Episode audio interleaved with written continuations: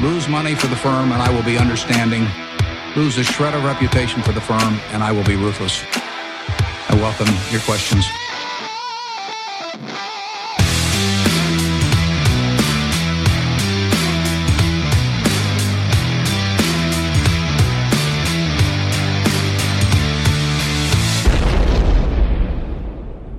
Hej och hjärtligt välkomna till Kvalitetsaktiepodden. Det är jag som är Ola.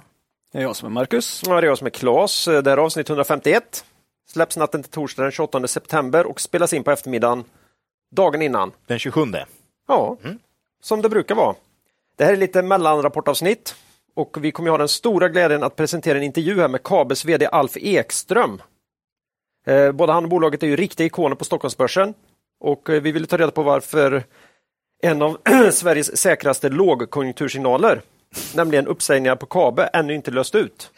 Det känns, eh, känns lite konstigt. Det var en berättigad fråga. Ja, kan det vara så här, this time is different?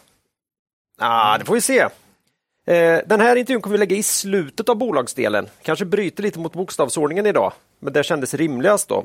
Eh, För det blir tre andra bolag Ja, Så, och sen nöjer vi oss nog i stort sett så den här gången. Eh, vad har ni gjort sen senast? Ja vi har eh, avslutat fotbollssäsongen här så nu får man ju lite respit. Ja, Eh, ja, och de som säger fotboll är tråkigt och sådär och att liksom det blir aldrig mål och sådär. Men kolla på Tittar du på mig nu när du säger ja, det? Kolla på ungdomsfotboll. och- ungdomsfotboll. det blir mycket mål. Där blir det mycket mål. Vi, vi gjorde 100 mål på, exakt 100 mål på 13 matcher. Ja. Andra sidan vet man ju inte hur det gick i serien, för ni får inte räkna. här. Nej, det får vi inte. Men mål har vi koll på. Eh, och, eh, så det är åtta i snitt ungefär. Va? Mm. Så det Det jobbiga var att ni släppte in 500. Nej, mm, nej, 50 ungefär. Ja. Så, Ja, det var en bra plus, ratio. plus 50. Mm. Det var en bra ratio. Ja. Nej, men så det är härligt. Eh, men, men nu får man lite, lite ledigt på helgerna. Härligt. Ja, nej, jag var ju på, med Ola på affärstidens mingel här i förra veckan. Ja, trevligt. Det. Ja, det var roligt. Represent. Ja, det var mycket trevliga människor där måste jag säga.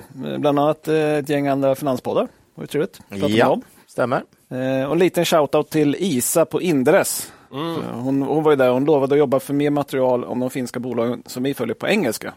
Det var stort, det är bra. Det är uppskattat. Kul. Ja, men det... Och den listan har jag skickat till henne redan. Ja. Så hon har fått en lista Får på vi bolag se. som vi är intresserade av. Ja. Får vi se om bolagen är så intresserade av oss. Ah. Det måste inte vara ömsesidigt tyvärr. Nej. Nej. Tyvärr. Eh, ja då. Mm, vad har Eh, du gjort, Claes? Jag har en liten story här, så, så ta fram popcornen nu här. Ja. Eh, jag och min äldsta dotter då. Jag tänker vi kan kalla henne för Freda. För det, som, Det är som han i... Ja, i Robinson Robinson- Crusoe, ja. Ja, Som i otursdagen fredag den 13. Mm.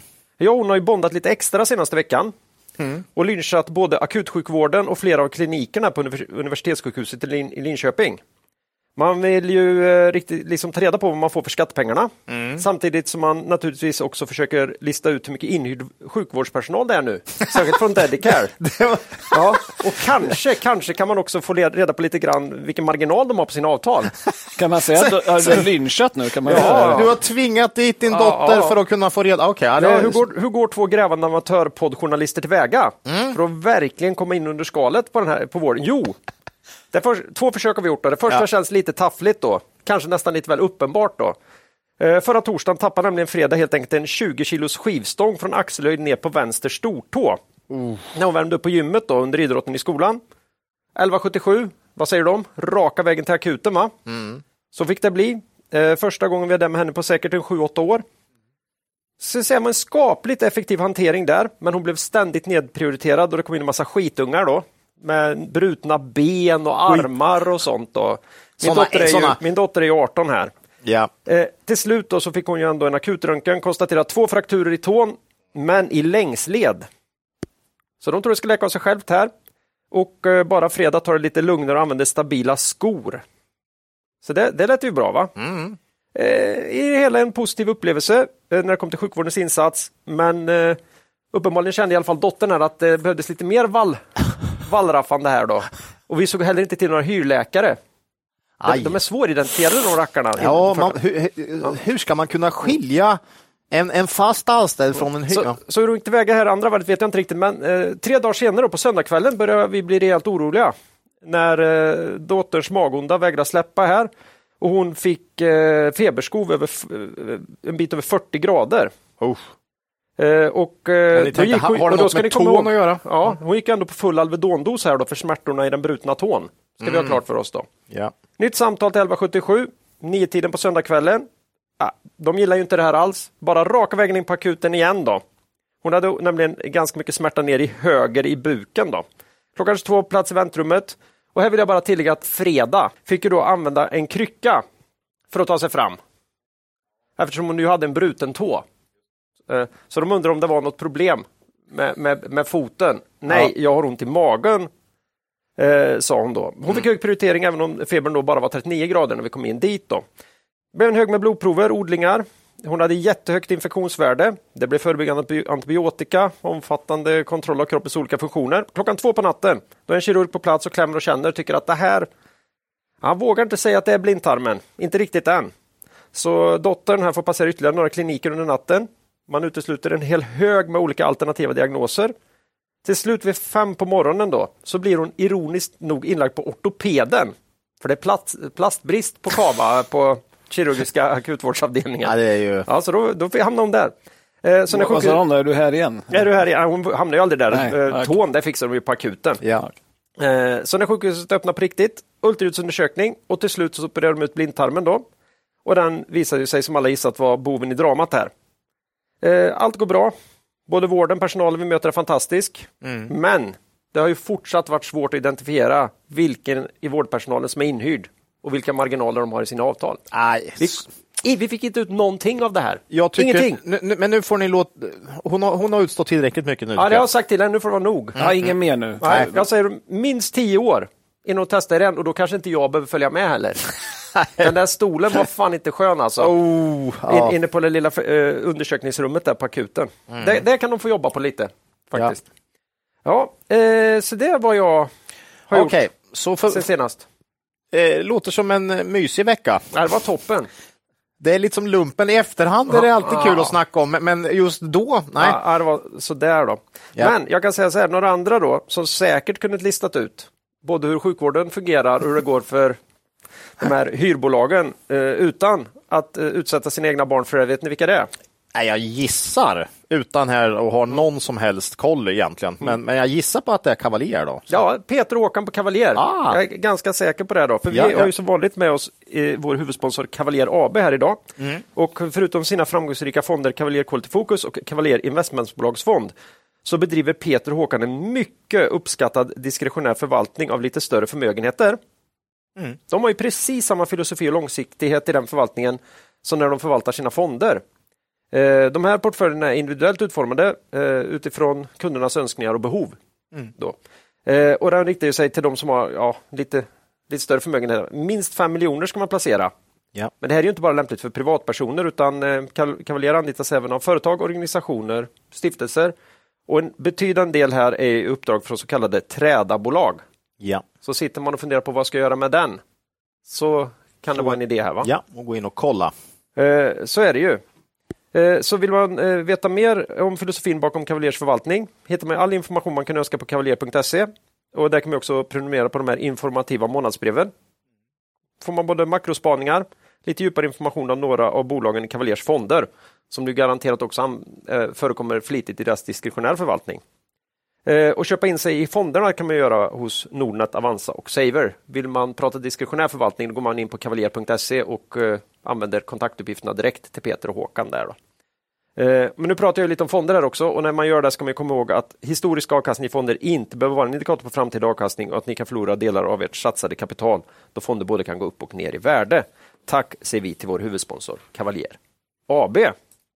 Ja, vi vill också tacka vår äldsta samarbetspartner Börsdata. Mm. Värdeinvesterarnas bästa vän. Ja, är man inte medlem hos Börsdata, bli det. Alla medlemsnivåer, pris- priser och själva tjänsten hittar ni via borsdata.se. Mm. Tack säger vi till Börsdata. Eh, vi har ju numera ett samarbete med Modular Finance Just det. för att se hur vi kan eh, ha nytta av deras fantastiska tjänst Holdings. Ja, den är inte dum. Nej, både som inspirationsverktyg och för att spetsa till vår dagliga handel. Va? Mm. Eh, Vi är generellt sett långsiktiga, men alla faktiska köp och försäljningar påverkas ändå av en kortsiktig marknad. Det hade varit ganska dumt att ta hänsyn till det, särskilt om man som vi påstår att vi arbetar professionellt med investeringar. tack säger vi till Modular Finance och deras tjänst Holdings. Ja, innan vi går vidare i avsnittet vill vi påminna våra lyssnare om att aktieinvesteringar alltid innebär ett stort risktagande. Aktier kan både gå upp och ner i värde. Satsa därför aldrig kapital på aktier som du inte är beredd att förlora. Det vi säger på den ska aldrig betraktas som köp eller säljrekommendationer. Gör alltid en egen analys av bolagen innan eventuell handel.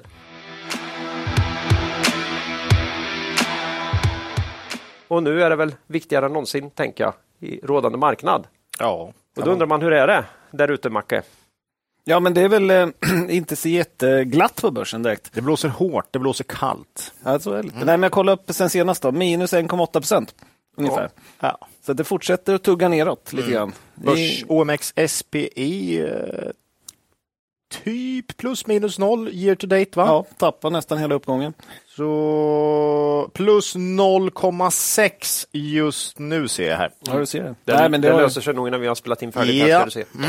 Nej, men det, det tuggar neråt. Det är ingen panik, men, men det går ner lite grann liksom, hela tiden. lite inte, så, inte den här paniken riktigt men Ja, inte på indexnivå, men på enskilda bolag finns det ju de som alltså tappat. under ytan. Det, det, det har vi pratat om tidigare här, tror jag i alla fall. Just den här skillnaden mellan index och enskilda bolag och det finns ju många bolag som har tappat 50 till 70 procent alltså. Ja, och ännu mer på en del. Det Ja, så, så att ja, det är verk, under ytan är det krasch på många håll, men, men just indexnivå syns det ju inte jättemycket på. Nej.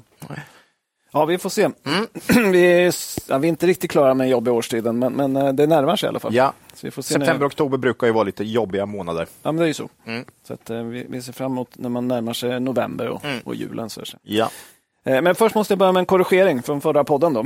Aj, aj, aj. Ja, du vet ju inte vad det är ens. än så länge. aj, Men, aj, men korrigering är tråkigt. Det är tråkigt. Nej, men jag pratade under Aktuellt eh, förra gången om eh, bolag som rapporterar sent och att de hade en taskig kursutveckling. Just det. Och jag såg då att SAS kom med sin rapport 1 september och det utgick jag från att de var sena eftersom Ja. de är SAS. Men, jag blev upplyst av en lyssnare här som hade lite mer koll som sa att så var inte fallet. En ganska besviken lyssnare ska jag säga. Ja, lite besviken var Mm. De har Eh, brutet. De har brutet räkskål. Vad tycker vi om brutet? Ja, det hatar vi från första början egentligen. Så. Men, men det är ändå ingen ursäkt. Nej, nej. Eh, jag skulle givetvis ha kollat upp det här så det var slarvigt av mig. Så att, eh, jag ber om ursäkt för det. Ja.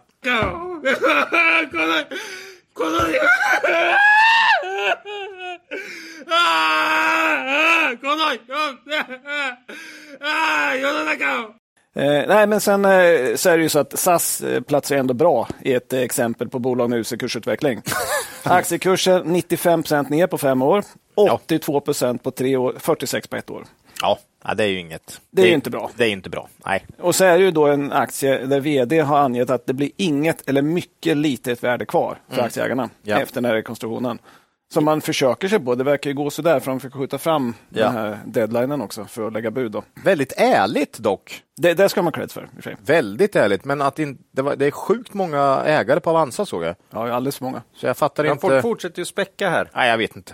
Ja, Varför stoppas det inte? Det finns, jag vet inte. nej, jag vet inte. Nej, och så med avkastningssiffrorna som ser usla ut Mm. kommer bli ännu sämre. Ja.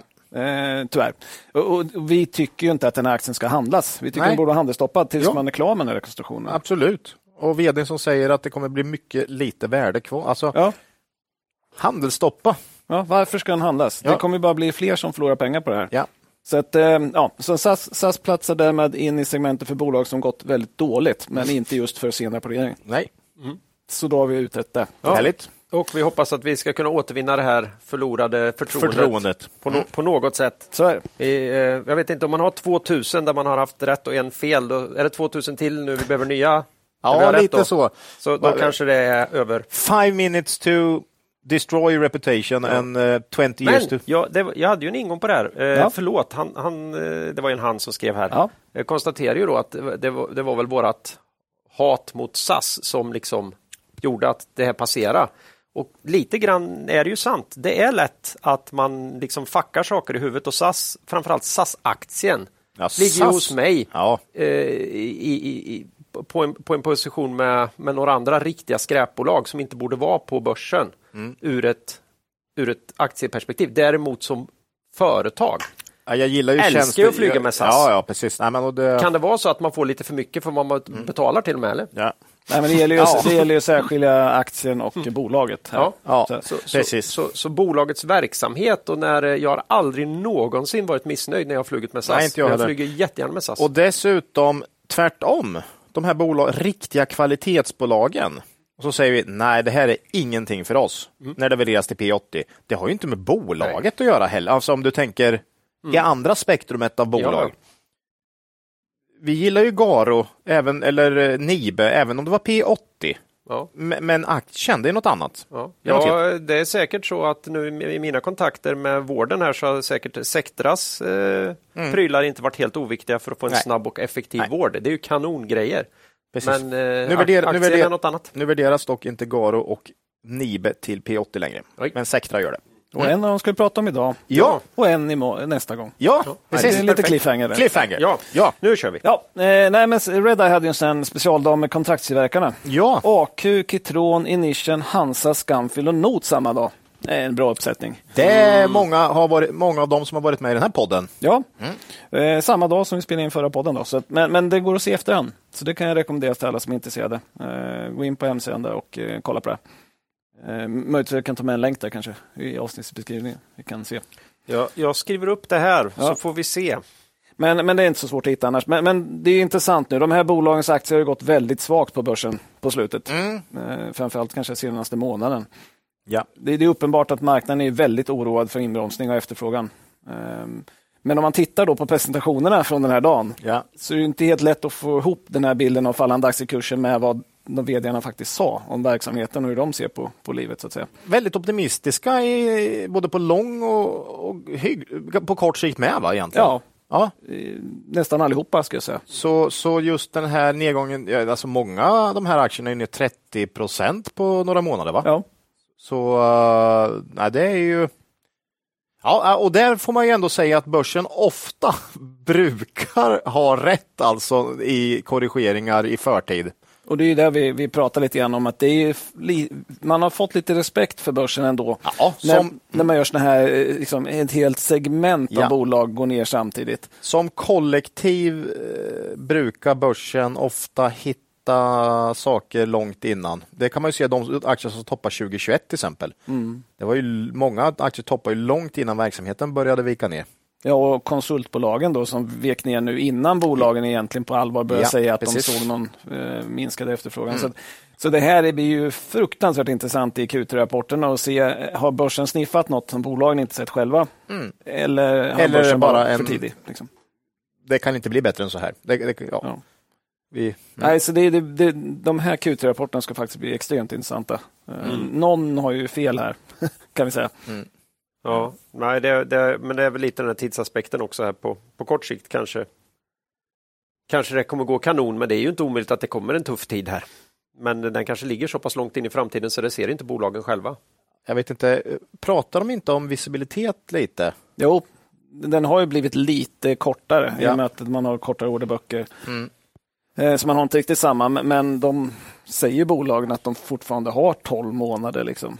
Så, så det är ju Ja, det är det- en bra stund bort. Börsen brukar ju inte vara mer än 12 månader bort ändå. Nej, brukar inte. Nej, jo, nej, nej. Om, det, om de tror att den ska hända någon skit. Då kan börsen vara hur långt fram som helst. Ja, alltså nu är det väl snarare det här att jag, jag, många tror jag känner att är inte det här lite peak på något sätt? Eh, Det kan ju vara så särskilt marginalmässigt, för nästan alla ligger ju över sina mål nu. Ja, ja. Eh, Och det har de inte gjort historiskt sett, så det kan vara det som börsen känner. Spännande att följa kontraktstillverkarna nu i alla fall. Ja, definitivt. Q2-rapporterna blir väldigt intressanta. Ja. Eh, Som vanligt. Ja. Nej, men det är nästan mer vanligt, eh, mer intressant just för den här gruppen av Nej, bolag ja, ja, definitivt. Ja, men så är det. Du, du småskrattar lite för vi ser alltid det att den här rapportperioden ska bli så väldigt intressant. vi har faktiskt just den här sedan pandemin tycker jag det har varit så extremt mycket upp och ner och, och effekter på sa från saker som inte brukar finnas normalt. Stimulanser och sen inga stimulanser, räntor. Alltså, så jag måste nog säga att det ändå är, det är svårare än någonsin att gissa 12 månader framåt alltså. Ja, för nu har du ju fått en ränteuppgång som man inte har sett på eh, hur många år som helst. Ja, jag har gått, jag märker också att jag har gått ifrån att säga våra prognoser till våra gissningar. Ja. när jag Ja. pratar med Ja. människor för att man inser att nu är det ju på nivån gissningar. Alltså. Det, man har ju, vä- 2024 känns extremt osäkert. Ja, ja det, det är jättesvårt. Ja. Men eh, du skrattar lite också, vi pratade om det här att eh, nu är varenda rapportperiod, det, det, här, det här blir den intressantaste rapportperioden någonsin. Ja, och när vi inte säger det längre, ja, men då har vi något mer normalläge helt plötsligt. När Med, med, med en värld som... Är du med? Är du med? Ja. Eh, Men, men det kan ta lång tid. Ja, det verkar ta tid. Ja. Eh, vi hade en tidigare podd eh, pratat om att man skulle vara extra försiktig med eh, nyintroduktioner då, när det var private equity-bolag som var tidigare ägaren. Eh, det var ju då en, eh, en eh, student som, som hörde vårt avsnitt och sa att han fick inspiration och eh, skrev då en uppsats om det här. Det- Så det tyckte jag var lite kul. Fantastiskt. Vi, Ja. eh, kul att få göra ett Ja. avtryck på akademin. Va? Nej, men Fick, så- vi, fick vi någon... eh, vad kom han fram till, eller hon? Nej, men han skickade in eh, uppsatsen, så jag läste. Och, eh, nej, men det visar sig ju då eh, att bolag som ägs av riskkapitalbolag då, i snitt hade högre värdering vid IPO-tillfället. De hade högre nettoskuldsättningsgrad enligt ebitda, som är belånade. Eh, och sämre kursutveckling än bolag som noterades som en grundare, med definitionen då att den skulle över 10% i bolaget. Då. Ja. Så det var det de kom fram till. Ja, det Ehm, känns ju fullt... ja. Det känns som att det, det var det väntade. det är lite confirmation bias på den, men, men eh, Ja, men det var ju skönt att det inte var annorlunda. Ja. Eh, För då hade man ju känt, oj, ja det var konstigt. Vi hade tydligen fel. Eh, Den, här, den här studien då har gjorts på Stockholmsbörsen mellan 1 januari 2018 och 31 december 2022. Så det är inte, Nej, det är ganska kort intervall. ja, det är inte superlång eh, histori, eller. Nej. Och de här eh, private equity-firmorna har ju ofta kvar aktier vid introduktionstillfället som sen säljs i omgångar efter noteringen. Mm. Och det här överhänget skulle kunna påverka kursutvecklingen en, en, en stund efter IPOn så att säga. Och grundarna tenderar ju ofta att vara kvar. Ja, För de är liksom väldigt långsiktiga ägare och vill ofta, kanske till och med ökar ibland i vissa tillfällen. Så att då har du inte överhänget. heller. Nej, Man har väl lite olika anledningar ofta till varför man går till börsen. Jo. Den ena tänker att nu ska hem. bolaget växa och de andra kanske har en liten annan plan. Ja. Jo, nej, och, och, och det ligger nog i linjen med att det faktiskt har varit en bättre investering att köpa i de som har den längre planen Ja. Mm. än utcashningen.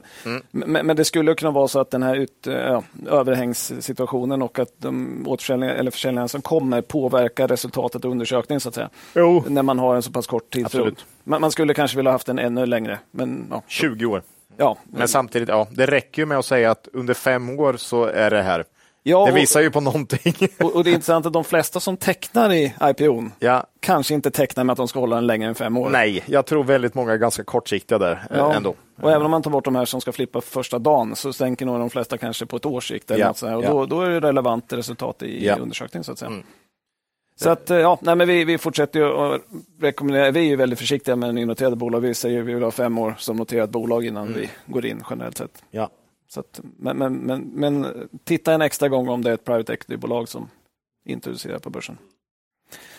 Eh, Förra podden då, pratade vi med Peter på Cavalier Ja, mycket Om- trevligt. om deras innehav i Nordic Waterproofing. Eh, där är han, eh, ja, vi pratade om den här optionen med bud från huvudägaren Kingspan.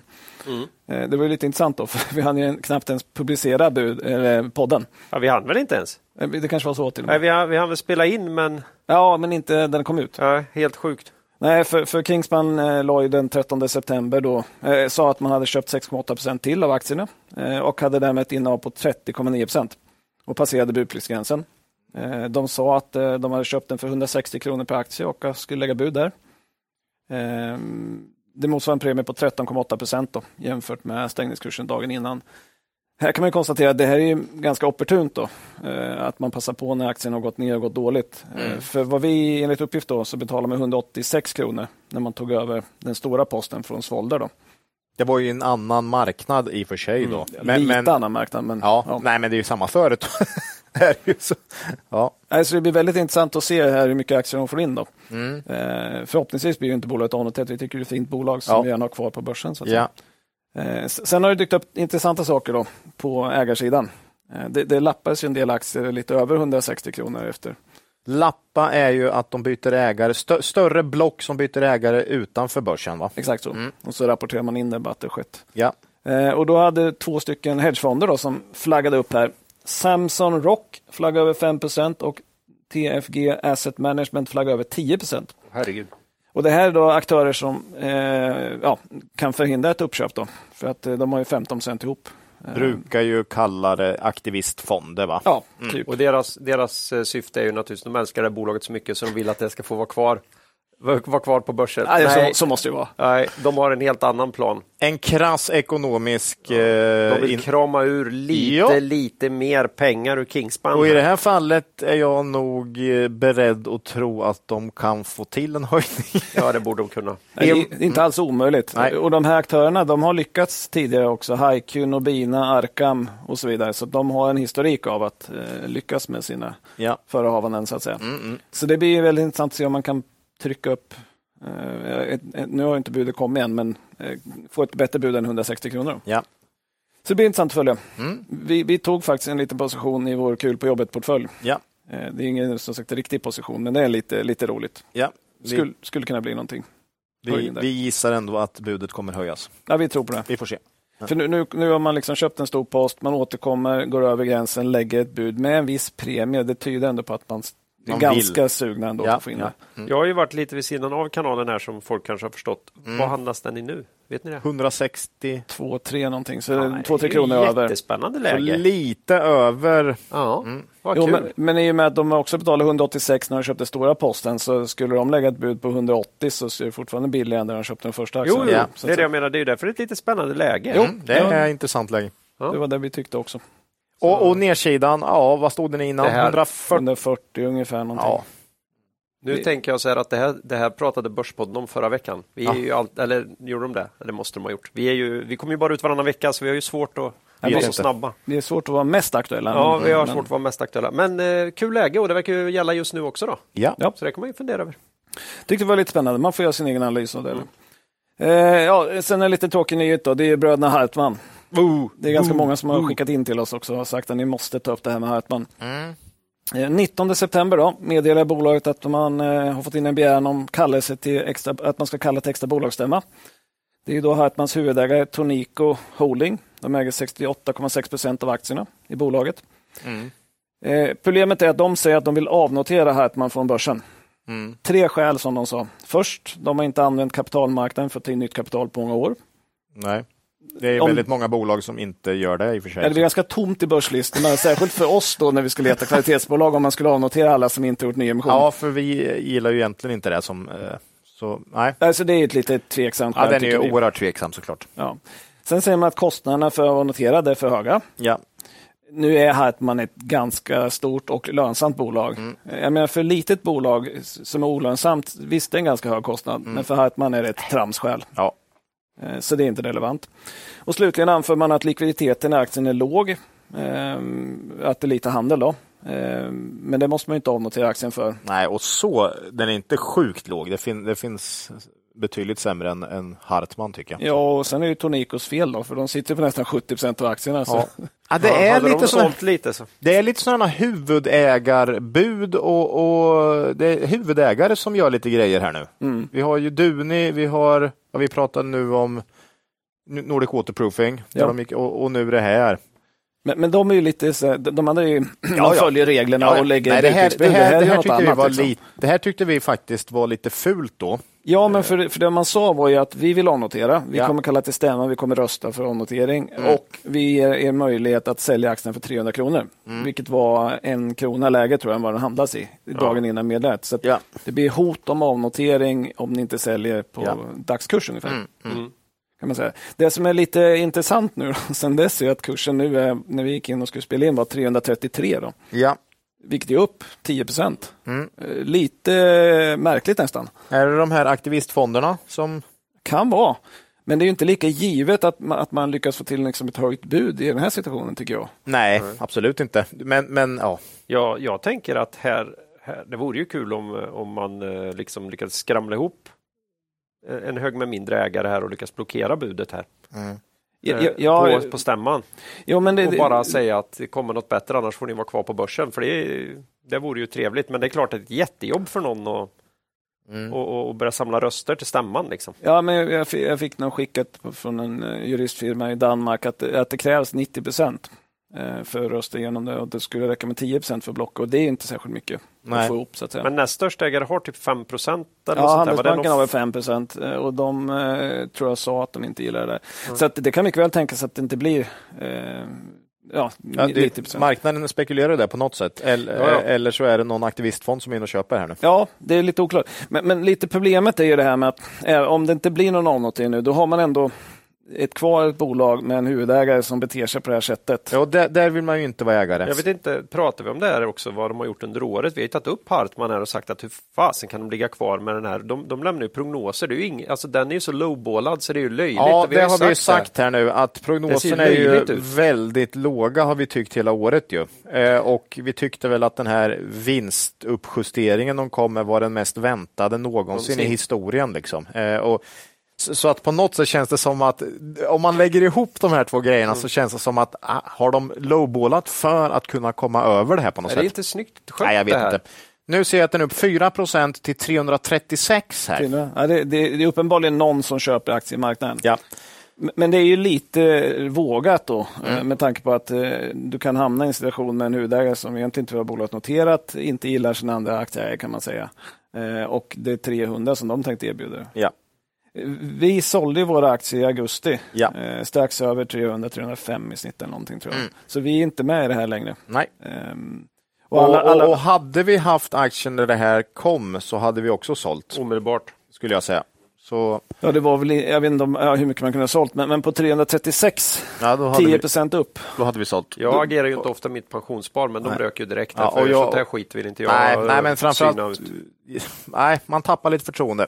Det är väl det som är. Så, så liksom alla får göra sin egen Ja, ja, analys här och det kan ju säkert gå upp mer om det är någon som ligger och dammsuger aktiemarknaden. Men det är en lite farlig situation kanske Ja. eh, för vad som händer efteråt, även om man stoppar det så att säga. Mm.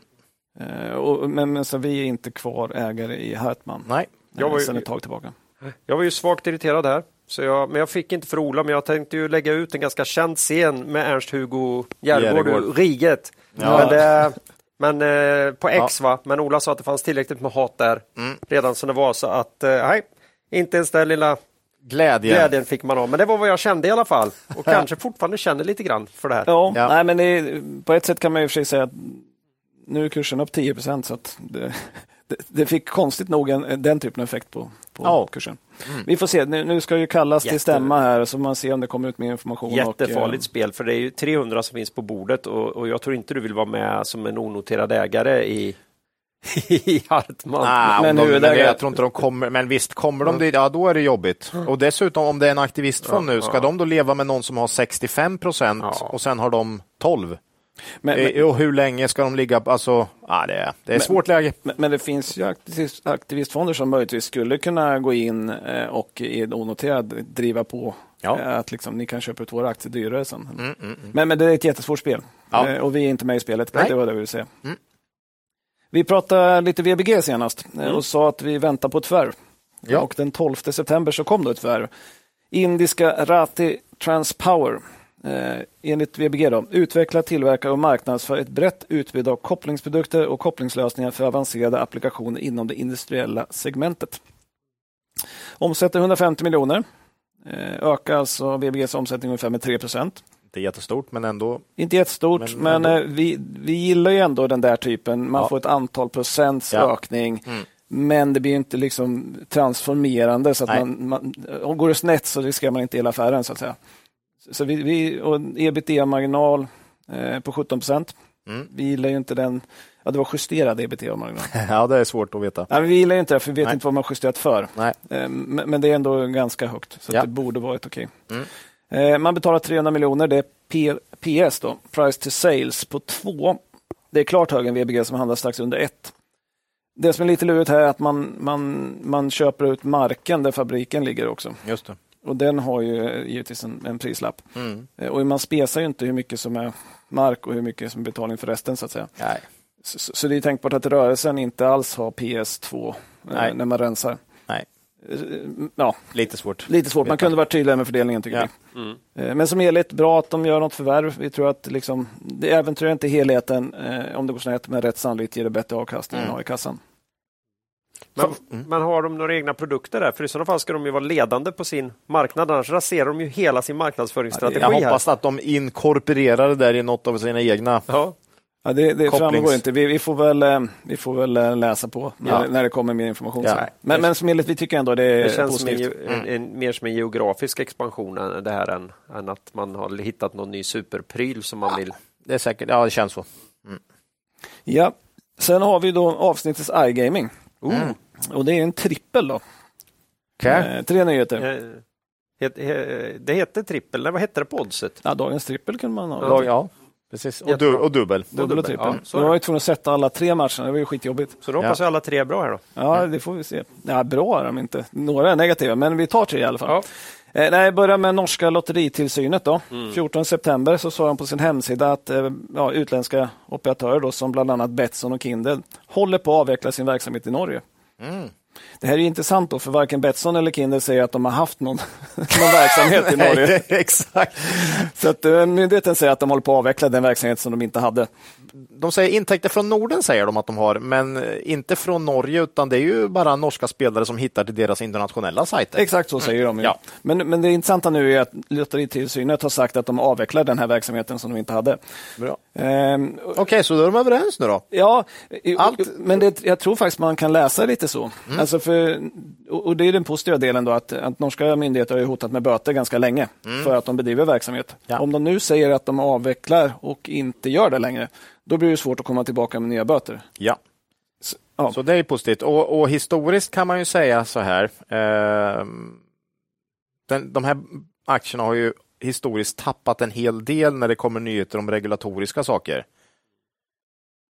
Jag tror att Betsson har tappat en handfull gånger mellan 5 till 10 procent på Norge. Ja, ja. jag, jag gissar det. Eh, så ofta är det bra, eller historiskt kan vi säga, har det varit bra att köpa de här aktierna när det är regulatoriska liksom, nyheter. Och här sa ju Betsson i, på, i Q2 på konfkollet att de norska intäkterna minskar lite i kvartalet. Och det är ju på grund av de anpassningarna Ja. man gör. Man, man plockar bort norska språket och alla de här sakerna. Och Kindred är väl likadant. Så, så man kan väl förvänta sig lite, trade-offen är lite mindre omsättning men m- mindre risk för böter. Ja, Och det tycker jag är nettopositivt eh, när det gäller Norge. ja absolut. Ja, jag kommer ihåg, bötesbeloppen var rejält stora Ja, det var för, ordentligt för. Kindred i alla fall. Kommer jag Ja, ihåg. jag Var tror det- inte de har sagt för Betsson. Nej, det men, var eh, jäkligt mycket för, för Kindred där för mig. Ja. Men ja, Nej, men de, de hamnar liksom ett steg efter hela tiden Betsson, så ho, hoten var nog samma, men de, de kvantifierades inte så tydligt. nej. Nej, så Någon det. gång dök det upp lite summor någonstans och då var de ju också helt sjuka. Men Så, så Bra den där tycker jag, den är nettopositiv ändå, det tycker vi. Eh, sen eh, lite mer negativt då. Eh, nummer två, svenska regeringen då vill höja spelskatten för iGaming i Sverige från 18 till 22 procent från och med 1 juli 2024. Då. Mm. Det har ju varit 18 procent sedan regleringen 2019. Då. Ja. Eh, enligt eh, meddelandet ska jag dra in 540 miljoner mer i skatt varje år från 2025. Ja, det, det är negativt för Betsson och Kindred såklart, för de är ju verksamma eh, i, i Sverige. Mm. Ehm, så att, det är lite oklart exakt hur mycket det kommer påverka, men det kommer ju få en negativ effekt. Ja, historiskt har man ju hört argumentet nej, det är mycket bättre att satsa på, på, på spelbolag som har en nästan bara reglerade intäkter, för, för de är så förutsägbara. Mm. Ehm, det går ju faktiskt att höja skatten Ja. eh, och försvåra. Helt plötsligt så säger du är en del av en reglerad marknad, men så försvårar de extremt mycket av andra typer av marknadsföringsregler eller Ja, det finns ju hur mycket sätt som helst en, en, en, en stat kan förändra reglerna. Ja. Så, så, så att det skulle vara extremt tryggt och förutsägbart för att vara på en reglerad marknad, det är ju inte sant. Nej. Ehm, det är det ju inte. Nej, men staten kan ju inte låta bli. Var, varenda år så har vi en process där man går igenom var i helvete kan vi krama ur lite till. Ja.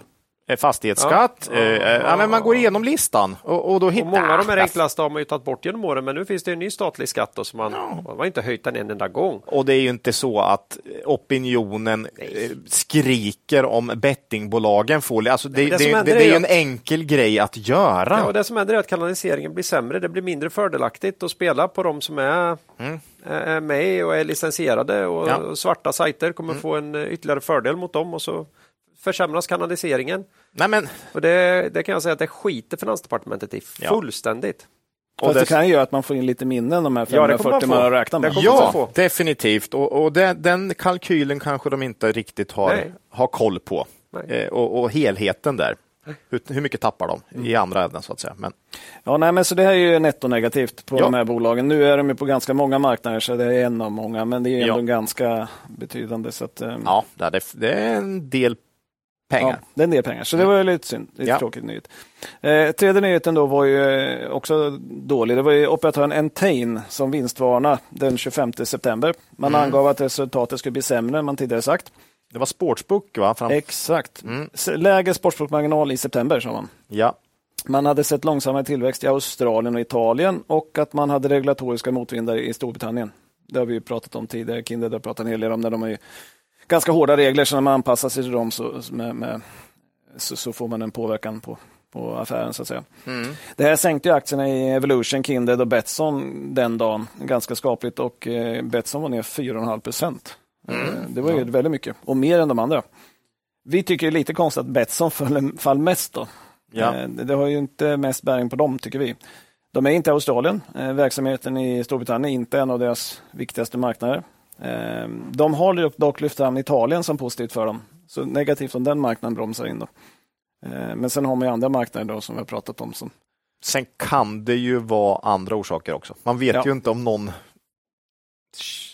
hade funderat på att sälja av någon annan och sen känner man, nej nu, nu, nu, jäk, nu får det vara bra. ja, så kan det vara. Vi man såg- vet ju inte. Vi såg den här nyheten, nu tog jag inte med den, men med Chile där. Ja, Chile ska ju Eh, införa någon form av reglering. Ja, men högsta domstolen slog ju fast att det var eh, att, eh, olagligt. Ja.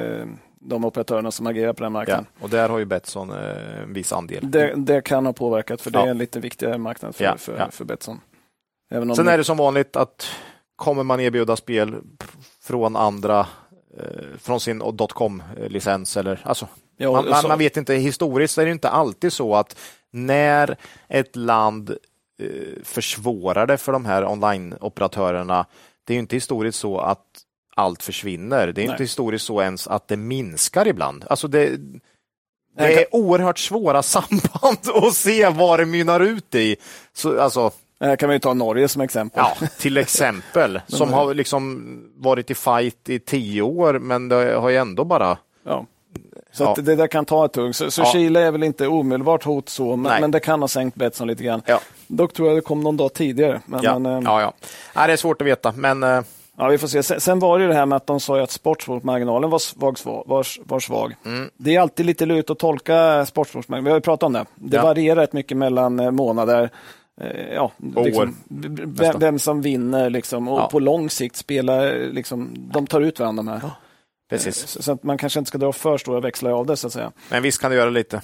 Men Ja. Betsson är ju bara 30 procent sportbook, va? Ja, Typ. och, och sen är de inte på samma marknad som Entain Nej, liksom, nej. riktigt heller. Som, vi, vi, vi tycker att det kanske var lite överdrivet, så vi köpte Ja. lite mer aktier under 120 där när den föll ner. ja, vi får se. Bettan. Ja, Mm. så att, eh, det, var, det var veckans iGaming-svep Ja, det var, det som var får, matigt. får avsluta Aktuellt-avsnittet. Ja, Härligt. Det var det. Eh, då tror jag det är dags att ånga på in i bolagen här. Och eh, vi har ju inte tröttnat på att höra Marcus röst va? nej, nej, Nej, nej, nej. Herregud. Eh, Bredband 2 utlovat här. Marcus vill inte släppa den här Bahnhof-konkurrenten då. Eh, senast de var med så hade ju Mac ett bredbandsbattle här med, med Bahnhof och eh, då vann Bahn- Bahnhof vet jag. Kanske inte så lite på värdering heller. Om jag... Nej, det, det, var ju det var åtta olika kategorier, det var 5-3, så det var Ja, ja. lite jämnt ändå. Men jag har för mig att det var värdering var viktigare, det var avsnitt 143, så då undrar man har vinsterna kommit, eh, eller har vinsterna kommit upp på kursen ner nu i Bredband 2? Då? Ja, vi, vi kan, de var med i avsnitt 141 också, som, Oh, som, ja, efter kör Q2, hårt. som var Mm. bara, då var bara de. Då sa vi vid kurs 1,27 att värderingen var klart lägre än vad har varit historiskt, men att eh, tillväxttakten också var lägre. och att skulle de få fart på kursen ordentligt så måste tillväxten upp lite grann. Då kan man fråga sig, blev det så i Q2? Ja, vad står kursen i nu? Det är också intressant. Ja, det kommer du få reda på snart. Jag är alltid... Jag vet, aktier som står i en spänn alltså. Jag, jag, jag, vet inte.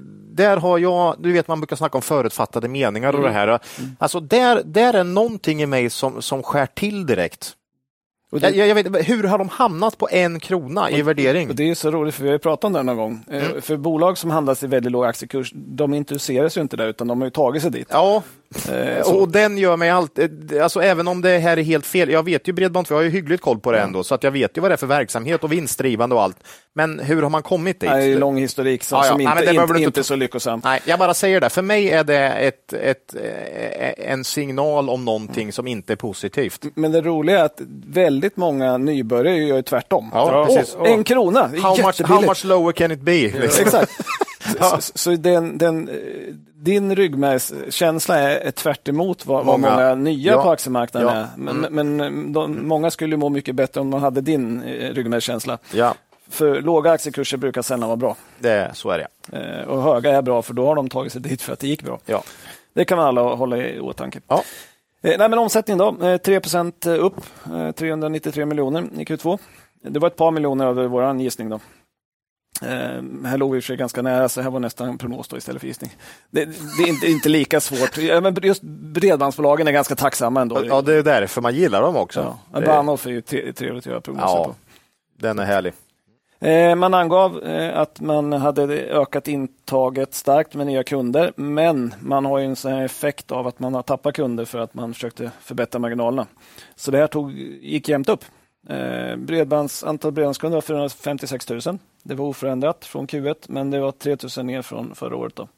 Här kan man jämföra med Bahnhof. De ökar antal kunder med nästan 16 000 från förra året. Då. Så att Bahnhof växer mer. Och Det var ju pratat om även när de hade sin battle. Eh, så att det finns en del att göra tycker vi på, på nytkundsintaget. Då. Mm. Eh, och I rapporten så sa man att nu är det fokus framåt att öka tillväxten inom alla affärsområden. Eh, och vi har ju sagt att man behöver ändå få fart på tillväxten om man ska liksom få ordentlig fart på kursen. Är det så här låga ensiffriga tillväxttal, då får du liksom aldrig den här riktiga skjutset på värderingen. Det, det, är ju så. Mm. Nej, men det är tydligt, så vi, vi får se. Mm. Eh, resultatet dock var lite starkare. Eh, rörelseresultatet plus 24 procent från förra året. Snyggt. Marginal 6,6 procent från 5,5 procent förra året. Här ligger Bahnhof ja, betydligt över. Ja, långt högre. Över. Eh, sen är det det här med avskrivningar som vi kommer att återkomma ja, till. Ja. Så det, man kan diskutera om man kan jämföra dem rakt av. Det. Men, men de ligger i alla fall eh, Å andra sidan igen då, så, så låg eh, redan två lägre marginal även innan man köpte upp A3 och fick en massa mer avskrivningar. Ja. Men man kan ha med sig då att eh, Q2 förra året var väldigt svagt i marginalmässigt. Då. Så lite av det lyftet är mer en normalisering. Ska jag säga. Men det är tydligt att de här prishöjningarna som man har genomfört får effekt på nedersta raden. Och det är ju positivt. Det vill man ju se. Eh, aktien var upp 7,5 procent på rapportdagen, så att börsen tyckte också det var kul. Eh, det här beror troligtvis på att marknaden sätter mer tilltro till den här prognosen om ytterligare marginalförbättringar som de hade med dem. För då sa man så här, rörelsemarginalen har förbättrats med en procentenhet sedan Q2 2022. Bedömningen kvarstår om att den ska förbättras med ytterligare en procentenhet till fjärde kvartalet. Så det är börsen gillar när man eh, ökar marginalen. Så att säga. Jo. Och jag tycker inte det känns omöjligt heller att man ska göra det här. Och ju längre tid det går efter de här prishöjningarna man gjorde, desto mindre körn borde man ju få av missnöjda kunder som lämnar. så att säga. Mm. De flesta som är missnöjda lämnar väl i början. Så, att så man, och man borde få allt mer eh, utväxling på synergierna från köpet av A3. Så att eh, bättre marginaler borde ligga i korten. När gjorde man det förvärvet? Nu är det länge sedan, eller ja. ett par år sedan. Men, menar, men, det tog ett tag innan man började integrera på ja. riktigt. Och så. Ja. Sen, sen sa B2, som vi brukar kalla Bredband2, då, eh, att siffrorna visar att den planen som man byggde för ett A3 på inte bara var realistisk utan kanske till och med underkant jämfört med utfallet. Okay. Det låter bra. Mm. Så man är väldigt nöjd med, med förvärvet. Så att säga. Eh, jag gick in i Holdings lite grann och kollade ägarförändringar. Eh, det är ju kul att kunna tracka lite bakåt då via Holdings. Ja, väl, verkligen. Det som sticker ut då är kanske två förändringar från norska operatörer eller norska aktörer. Eh, vi tar det i förra podden om Atenum Capital då, och deras innehav i AQ där, när marknaden blir lite orolig. Ah, för... det, var, det, det är de alltså? Det är de. Okay. John, John Fredriksen vill ju, han är huvudinvesterare i fonden och vill ju ta ut pengarna. Just det. Och då följer AQ väldigt mycket. Eh, Atenum var från början på 2021 den femte största ägaren i, i Bredband2 också. Då. Mm. Eh, Så de har varit stor ägare. Och när Bredband2 gick så, eller B2 då, gick så svagt på börsen så sa man att det är nog förmodligen Atenum som säljer. Eh, Och det kan man ju se nu att det var ju så också. Det var så, okej. Eh, Till Stor här, fördel med holdings och kunna, Kunna tracka få, lite. tracka den typen av förändringar. Ja. så att de är helt ur sedan halvårsskiftet. Så att där bör man inte oroa sig för det här med att Fredriksen ska ta ut sina pengar, för de är redan ur. Så att. Okej. Han Eh. kanske vill köpa tillbaks någon gång, vem vet? Vem Ja, vet? han kanske vill det. det. Det är intressant Vad skulle han göra med alla pengar då? Nej, det vet jag inte. Det är ingen som vet. Ah, Okej, han ska bara ha Han ut kanske har hål och han kanske ska ut i helgen. Eller kommer du ihåg det? Ja, jo, jo, jo. Det var ju någon som sa det när han hade sålt aktier för mångmiljonbelopp och så fick fråga på Twitter vad, vad, vad ska du alla pengarna till? Jag ska ut i helgen. Ja, det är liksom, alltså, trött, liksom bara, ja.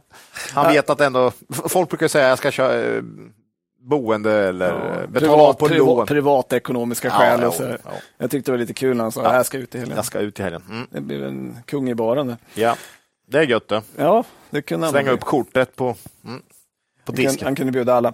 Eh, intressant då är att Protector Försikring Ja. eh, har dykt Bra upp uttal där tror jag. Tror det? Bättre än mitt Europris som jag började med i alla fall. Ja, vi får se. Europris? Ja, men de har dykt upp i ägarlistan. 5,9 procent av aktierna. Jag tror de femte största ägare. Det är ju ett norskt försäkringsbolag. Då. De investerar i floaten.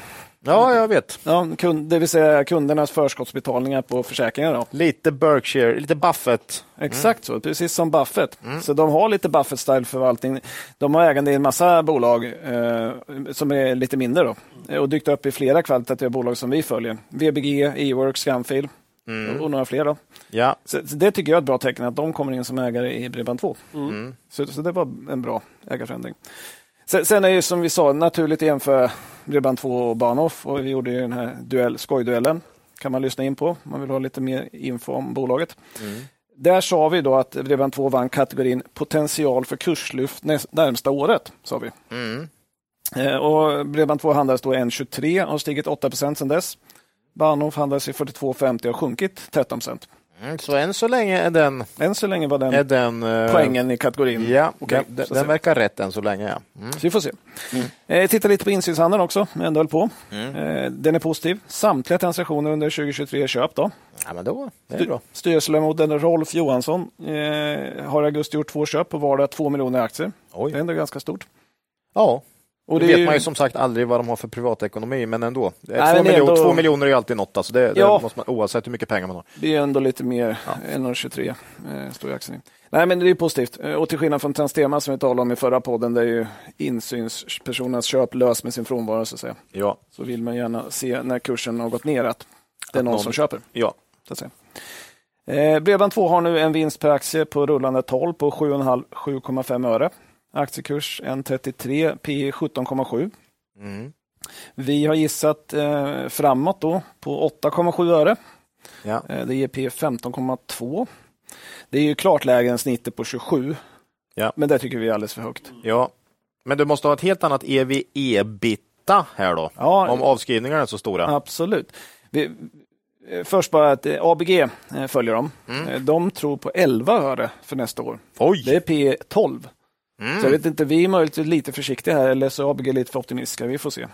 Vi Det var ligger väl... rejäl... eh, Ja, Ja, det är en väldigt stor skillnad faktiskt. Här ska vi väl också säga att det är väldigt sällan vi ligger outlier uppåt på förväntningar på Ja, det vinst och sånt. Det är väldigt sällan, så att vi brukar vara lite försiktiga alltså. Ja, det är, kanske blir mitt emellan Ja. oss och ABG. Ja, Men, men sen som du, precis som du sa, man har jättestora avskrivningar. EV, ebita Mm. eh, på rullande 12 på 6, och- 6, mellan 6 och 6,5. oj, Det är inte så högt. nej. Så man har ju väldigt starkt kassaflöde har man haft länge här. Eh, så det beror lite på hur man ser på det här. Men, men Som kassaflödescase. ja, definitivt. Eh, man, vi, vi sa det förra gången också, utdelningen vann man ju mot, eh, mot Bahnhof också. Ja, den, kategorin. den är ju riktigt vass. Så, så att, och det tror jag man kommer fortsätta med. Ja. Nej, men sammantaget, vi, vi tycker att det här är ganska korrekt värderat. Mm. Vi, vi har en liten margin of safety i våra, eh, våra ark, men, men inte, inte tillräckligt för att vi ska köpa.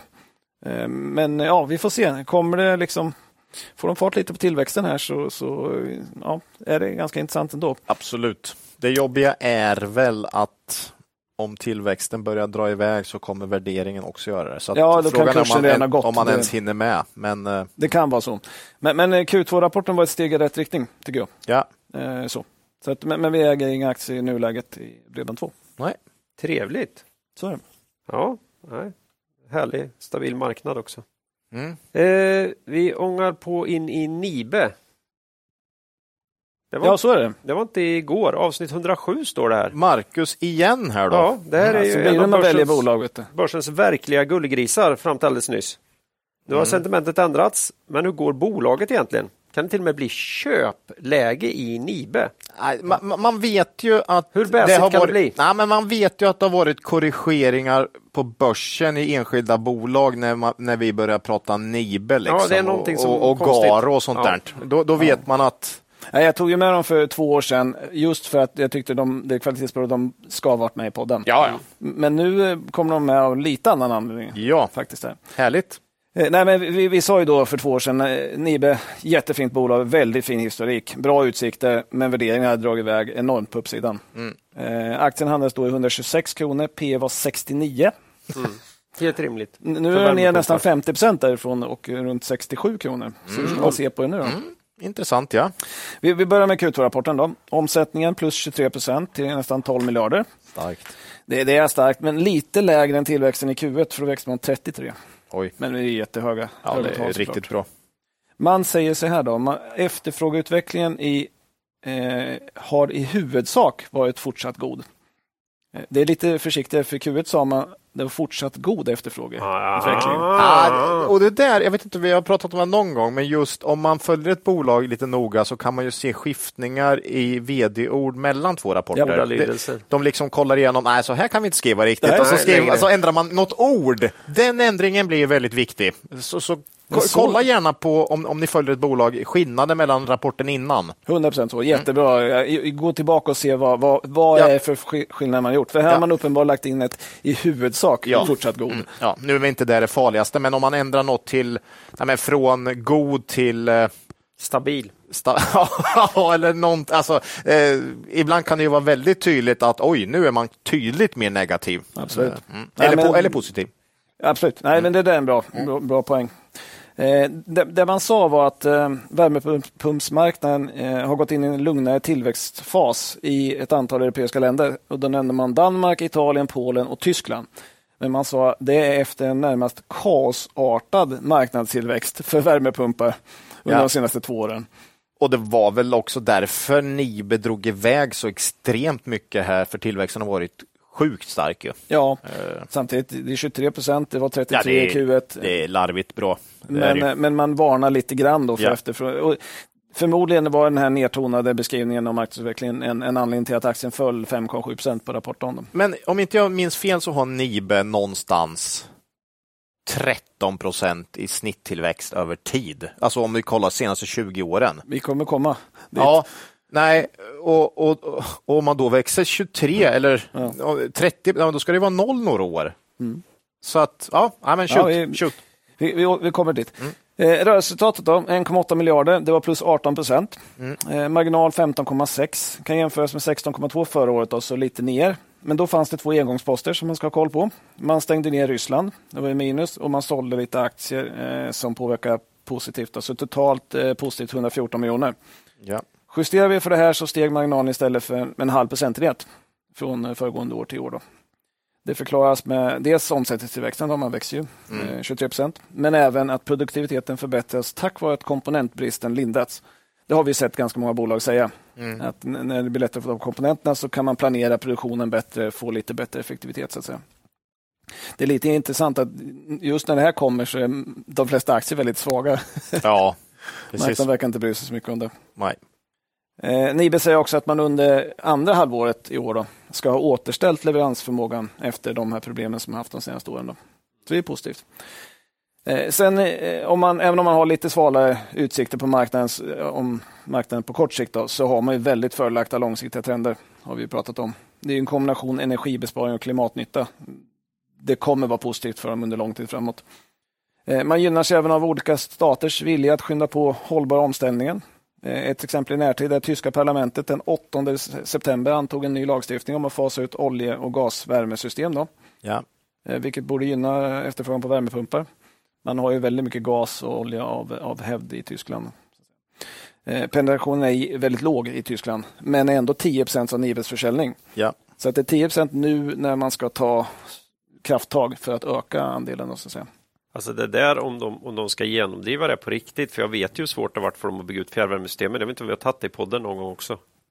Eh, och, och, ska du då gå till el här som blir det de har kvar, alltså effektivisera fastigheterna kan du göra så att du behöver mindre energi. Mm. Men alltså elsystem är också jättejobbigt att bygga ut. Ja. Och en, en, modern värmepump, ja då kanske du bara behöver trycka till, ja när det är som kallast, eh, 40 procent, 35 procent av det du skulle behöva om du gick direkt på el. Så det är klart som tusan att det är en en väldigt positiv lagstiftning ur mm. ett värmepumpsperspektiv. Ja. Men jag tror de kommer få jättesvårt att fasa ut gasen. Alltså de är extremt gasberoende. Det tar ju tid i, stora fall. delar. Mm. Jag, jag, tror inte man satte något slutmål. Eller liksom. alltså, utan det här är en, förmodligen För gasnätet är jätteväl liksom. utbyggt. Alltså. Ja. Jätteväl utbyggt. Så att, men men det, inriktningen är klar. Mm. Alltså, Nibe, Nibes marknad kommer vara bra eh, med stor, väldigt stor sannolikhet under lång tid. Eh, sen eh, hade man i Storbritannien nyligen när man senare vissa miljömål. Då. Eh, jag tror ni gick ner lite grann på den. Men på lång sikt så är inriktningen klar ändå. Då. Man har ett offensivt mål, man ska dubbla omsättningen från 40 miljarder till 80 miljarder från 2022 till 2026, men senast 2029. Det, det är lite flytande där. Man vill helst göra 2026, men senast 2029. Okay. Ganska stor skillnad också mellan ja, 26 ja. och 29. Mm. Eh, ska man nå det till 26 så krävs lite under 20% tillväxt per år. Oj, ja det är ju bra alltså. Det är högt. Då, då ska man värderas högt alltså. Men, men, det är inte omöjligt, man har ju mål om att växa 20% inklusive förvärv. Då. Så att man det. har ju ett högt mål också. Ja. Väldigt många bolag har vi sett ligger på 10 i mål. Ja, visst. visst. Vissa 15 och några få har 20. Ja. Och då är ni bättre om då. Och nu kommer vi in på, på, på, precis det du var inne på. Eh, när vi tog upp dem för två år sedan, då, då hade man en omsättningstillväxt på 10 års sikt på 11,4 i snitt. Ja. Men den är uppe nu på 14,9. Efter de sista årens våldsamma... Ja, Exakt, för man har mm. växt så kraftigt på ja. slutet. Ja. Vinsten hade då ökat 15,4 procent i snitt över 10 år. Mm. Och nu är det 17,8. För att man ju, man, tack vare tillväxten har man ökat marginalen sedan dess. Då. Ja.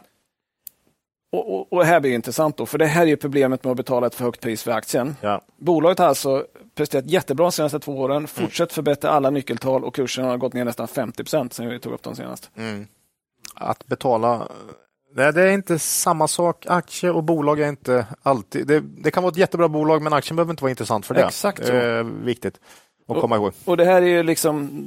Det går inte att betala hur mycket som helst oavsett hur fint bolaget är. Tänk på den ni där ute som köper Secta eller Nvidia. Mm. ja. ja, men ofta är det så här att de får också en following som, som vägrar lyssna på det det är ett så bra bolag så du, alltså, ja. det är ofta det argumentet som kommer fram då. Men kommer det några tuffa, alltså det här är ju ett kanonbolag, ja. Nibe, det är ju ett av de bästa på Stockholmsbörsen tycker jag. Ja. det deppigaste är ju en analytiker som ibland då kan vara stenhårda på performance på bolaget. Mm. Eh, sätter fortfarande köp uppe på de här nivåerna på vissa bolag för de brukar värderas högt. Jo, lite mm. så. Eh, den, det är ju den som gör ondast. Ja, men eh, man ser ju ibland köp bara P38 mm. har, har, har, nu värderats i snitt i P65 sista fem åren. Så det där är farligt, alltså. Mm. riktigt farligt. Men Nibe ska ju värderas högt. Mm. Det är inget snack när man ser den här historiken. Men P70 är ju, det är ju orimligt. Ja. Men, men, men nu är det inte 70 längre. Nu Nej, är det 30 det, något. Eller? Och det är här som är fördelen. Ja. För, kombinationen förbättrade nyckeltal och sjunkande aktiekurs mm. tar ju ner värderingen. Ja. Den har gått från extremt hög då till eh, ja, bara hög. Då, ja. man säga. Eh, P-talet på 69 då, mm. Eh, när vi pratade om senast. På rullande 12 med aktiekurs 67,26. Oj! Mm. Långt, långt mindre än hälften. Herregud, ja, det, är full, det är ju riktigt stor nedgång alltså ja. i, i, värdering. Mm. Analytikerna, om vi kollar Factset, eh, tror på en vinst på 2,72 eh, i år och 3,16 24. Då. Mm. Det är P 24,6 för i år och eh, 21,2 för 24. Sträcker man ut... det närma sig. Ja, det är otroligt. Och då gör vi så här, då sträcker vi ut till 2025. Ja, ja då sträcker vi ut till 25. Kan vi, ja. vi, kan ju ha, vi kan ju handla om det P20. Kommer vi under då? Och då tror de på 3,60 i vinst mm. och P-talet 18,6. Ja, ja! Vad ger det för ett mos som vi vågar sätta 20? 20 då? Okay. Nibe. Mm. Nej, men vi resonerade i gamla poddavsnittet att det var inte orimligt med 20 till 25 nej. kanske nästan nej. på P. Det är, topp, det är toppbolag på Stockholmsbörsen, det är ju. Och vi är ungefär där nu. Ja.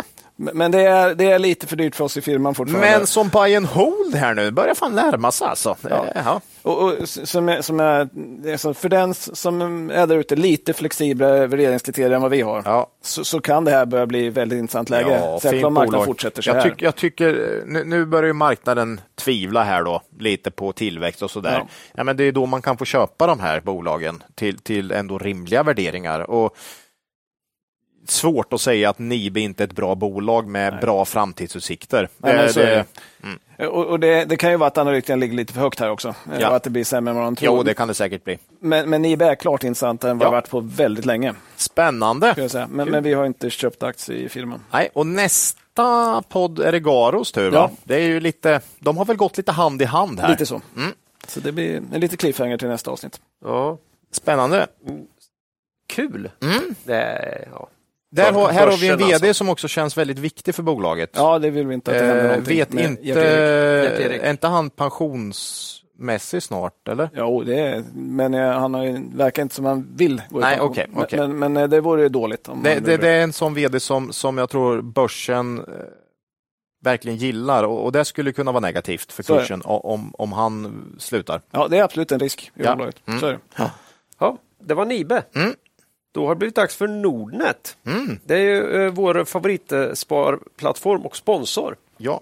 Eh, och eh, för den som vill nå bredd i sin portfölj kan ju sådana här börshandlade fonder, ETFer, va? erbjuder en uppsjö spännande möjligheter. Vi pratade om det i förra avsnittet med här. Och för en låg avgift kan man få exponering över hela världen och hitta mängder av specifika geografier och nischer. Och eh, vi tänkte gräva lite mer i det här så vi lovade förra podden att vi idag skulle ha med, ha med oss Ara Mustafa, eh, investeringscoach på Nordnet. Och han kommer här. Välkommen till podden Ara! Tack så mycket. Eh, ja, vi pratade lite kort i förra avsnittet om vad ETFer är och vad man kan ha dem till. Kan inte du påminna lyssnare om vad, vad det är för något och varför det kan vara ett bra inslag i en spridd portfölj? Alltså E- ETF är ju börshandlade fonder så att det är ju en fond som vi känner till det men att man köper och säljer den direkt på börsen och den följer marknadsvärdet. Fördelen är bara att det finns så sjukt stort utbud och det finns så många nischer som annars inte brukar finnas på fondsidan så att det går ju att hitta investeringar här som man inte gör i vanliga fonder. Men du har ju lovat att berätta, vad är de populäraste ETFerna? Kan det vara AI som är mest populärt eller uran som vi tycker är lite spännande? Eh, definitivt har ju AI blivit mer populärare. Eh, vi, alltså om man tar topp 5 så på en femte plats så har vi en som heter Automation and Robotics. Men det är inte, och det är liksom från iShares. Det är dock inte en ETF bara på AI utan det är lite mer automation och robotbolag som i och för sig gynnas av AI, att de blir mer effektiva. Så det är lite hackar och spadar tanke eh, med den typen av bolag och alltså för att bara jäm- jämföra här hade det här varit en fond så kanske det hade varit 1,5% i avgift, nu är det en ETF nu handlas det in 0,4% i eh, årlig avgift vilket är eh, ganska bra tycker jag Stor skillnad. Har du något annat spännande? Absolut. Vi har till exempel Clean Energy som är på fjärde platsen. Det är ju liksom, ja men förnyelsebart. Eh, och det är 0,65% i avgift.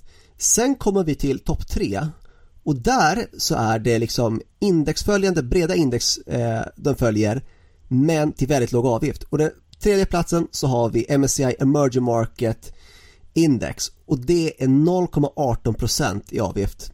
På plats nummer två har vi iShares Core S&P 500 så den följer liksom det här S&P 500 Ri- riktigt klassiskt alltså. Men jag skulle liksom vilja flagga för, här är avgiften 0,07% Mm. per Det är år. inte mycket. Det är, nej det är, alltså nu är vi, nu klassar den ut några bra indexfonder också. Sen har vi MSCI World, vilket är den stora globala indexet och då är vi på 0,2% i årlig avgift. Eh, och alla de här är från iShares, eh, vilket är en jättestor aktör inom ETFer. Eh, och där ser vi liksom att det är väldigt, väldigt populära och väldigt billiga sett till avgift. Men alltså det här är ju jättehäftigt. Just att jag hade ju tänkt att det var en annan har ju använt det för att hitta så lite spetsiga saker. Liksom. Jag vet inte vad som är bra inom sol, solteknik eller uran och så. Då tar man en ETF. Men alltså de riktigt stora är ju ett sätt då att verkligen kunna följa riktigt breda index eller de här roliga indexen som man hör mycket om på TV och så. Liksom. Det är ju Absolut. En, en Det- enorm värld. Och jag tror att av någon anledning så, alltså namnen är lite skrämmande för de heter typ så här, ja men iShares Core, MSCI, World, UCIT, ETF, USD, så här jättelånga komplicerade namn. Ofta ska man bara hoppa över det första, vilket är ja, iShares eller LNG mm. eller vilka det är som ger ut det. Sen kommer man till vad de faktiskt investerar i, det är det man ska fokusera på. Och om man får lägga till en grej, när vi ändå är inne på namnen, på slutet så står det ACC AC eller DIST om det står AX så betyder det att det är ackumulerande så det återinvesterar utdelningen automatiskt som de flesta fonder. Står det DIST då är den utdelande, den distribuerar fond, eh, fondens utdelning till ja, andelsägarna. Så att vill man bygga en utdelningsportfölj så ska man leta efter dem med DIST på slutet. Okej. Okay. Vi vet ju att många av våra lyssnare är kunder redan idag hos Nordnet. Kanske sugna på lite ETFer. Hur ska man gå tillväga för att hitta de man vill ha och handla i dem så att säga? Eh, jättebra fråga. Man går definitivt in på ja, men, vår ETF-sida, då finns det liksom en screener. Här kan jag, om man ska börja med ETFer, då kan jag tipsa om att man kan månadsspara i ETFer och då finns det en knapp där man kan trycka på tillgänglig för månadsspar. Då får man bara ETFer man kan månadsspara i. Och de är bra att månadsspara i för att då slipper man courtaget när man köper. Vi bjuder på courtage när man månadssparar i ETFer. Dock får man bara välja upp till fyra stycken per månad. Men där får man ett lite mindre utbud men väldigt populära ETFer och som med fonder man kan screena på, ja men det ska vara femstjärnigt eller det ska vara den här avgiften eller de mest populära och så leta däremellan. Ska också tillägga om man är en sån här global investerare som gillar typ jag vill bara investera i Vietnam eller jag vill investera i Filippinerna och sånt. Då finns det ett jättestort utbud av landspecifika ETFer på typ vilket land som helst. Sydafrika, Vietnam, Filippinerna, Thailand, Indonesien, you name it. Ja, det är alltså nordnet.se ETF man ska in på då om man vill använda screenern. Eh, ja, eh, då får jag be att tacka dig Ara för den här gången och hoppas eh, du snart kommer tillbaka till podden och ger lite mer härliga investeringscoach-tips. Ja, men kanon, jag älskar att vara med i den här podden så det, det kommer jag gärna att göra. Ja, tack Ara. Eh, vi vill också påminna om att börsen ger och tar. Även om sparandet eh, i fonder gett historiskt god avkastning över tid finns inga garantier för framtida avkastning. Det finns risk att du inte får tillbaka de pengar du investerat. Eh, tack säger vi till Årets Bank och vår eh, samarbetspartner Nordnet. Mm.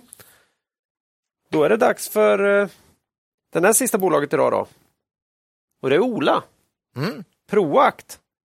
Det är ett av våra favoritbolag att handla runt i. Nu har värderingen åter kommit ner efter vårens spik. Eh, vad tänker du om det Ola? Det var i avsnitt 142. Ja, är det, senast ja, är det mycket besök. bolag som har, eh, som vi har sagt, kommit ner i värdering mm. under ytan här. Index, har inte, index var ner förra året och det är inte särskilt mycket upp i år, så det har inte varit bra indexår. Men under ytan som sagt har ju många aktier tappat hiskligt alltså. Det är det här med stora och små bolag också. Ja. Vi har ju pratat om det tidigare, att de små har tappat enormt gentemot de stora. Precis. Det var ganska länge sedan vi pratade Proact. Det var då som du sa 11 maj. Mm. Det var ju efter den här stora kursnedgången i samband med Q1. Eh, vi sa då att vi inte tyckte att den kraftiga kursnedgången var motiverad. Eh, vi berättade också då att vi hade sålt våra aktier före Q1 på nivåer kring 110 kronor. Och vi sa att anledningen till att vi sålde var dels för att kursen var väldigt nära vad vi såg som fair value, dels på grund av att vi trodde på vinstminskningar under 2023. Och fair value, när det är nära där och man dessutom tror på att vinsten ska ner, då brukar vi sälja. Mm. Väldigt vanligt. Eh, vi sa också att vi säkert kommer köpa tillbaka våra aktier så småningom, mm. sa jag när jag lyssnade. Vi pratar också om att kursen i Proact tenderar att svänga betydligt mer än verksamheten, vilket brukar vara bra för en aktiv investerare. Mm. Där summerar jag ungefär ja. förra podden. Mm. Eh, kollar vi kursen sedan dess så har den fortsatt ner kursen här då. Eh, aktien stod i drygt 80 kronor i maj, nu drygt 70. Eh, vad gäller verksamheten här då, sen sist så släpptes ju Q2 i mitten på juni, så det är ju, ja, det är ju ett bra tag sen nu då. Snart är det dags för Q3 till och med. Eh, Q2 visade på en omsättningstillväxt på 4% i det andra kvartalet, klart lägre än de senaste kvartalen då, men nu börjar jämförelsekvartalen bli riktigt tuffa här.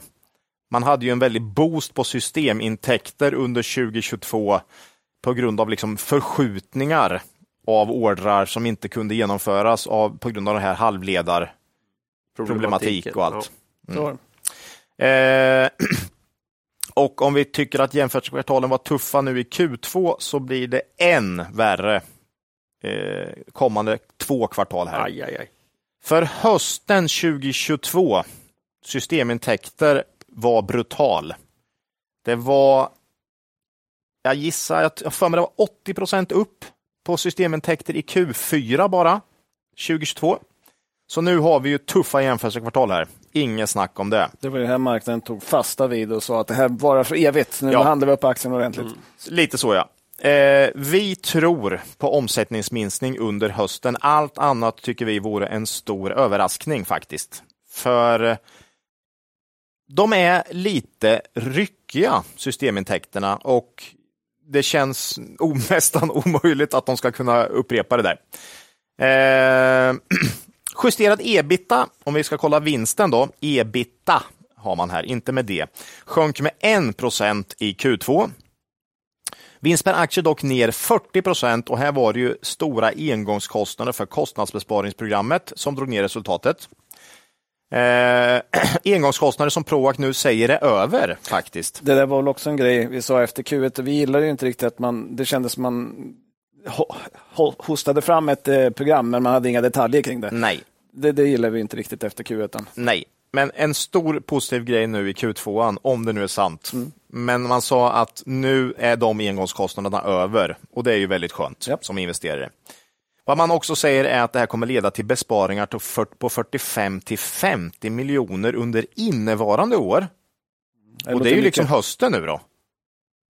Det är ju... Så, så, eh, och på helårsbasis ska det vara 60 miljoner, men en stor del ska nu komma här under, under hösten. Eh, Ja, på något sätt, om, och då jämför man med Q1 som någon form av bas här. Men man ska, vi, vi, vi tycker alltid det är svårt här, ska vi vara helt ärliga med, att, att veta hur dessa besparingar kommer påverka lönsamheten framåt i bolag som har ett kostnadsbesparingsprogram. Ganska ofta historiskt tycker vi, inte Proact just, men när man hör kostnadsbesparingsprogram så försvinner lönsamhetsförbättringar på ett eller annat sätt. Ja, det är väldigt svårt att hitta de där siffrorna som bolagen anger i Ja. början. Liksom. Och så kan det ta tid. Ibland biter det, men det, det tar längre tid än vad man tror. Liksom. Ett kvartal är inte speciellt länge. Nej. Och sen ska man ju ha klart för sig att kostnadsbesparingsprogram initieras nästan aldrig när verksamheten går kanon. Nej. Så, att du har en i grunden, i grunden har du en verksamhet som har det lite motigt. Det är ju liksom, ligger ju i, annars gör du det inte. Så att eh, eh, ja, vi får se. Men Proact har dock en, en, en viss ska säga, skräll potential under hösten eh, om det här nu skulle visa sig verkligen få lönsamhetsförbättringar. Men På marginalsidan kanske. på marginal. Omsättning tror vi definitivt ner på. Eh, inget snack om det.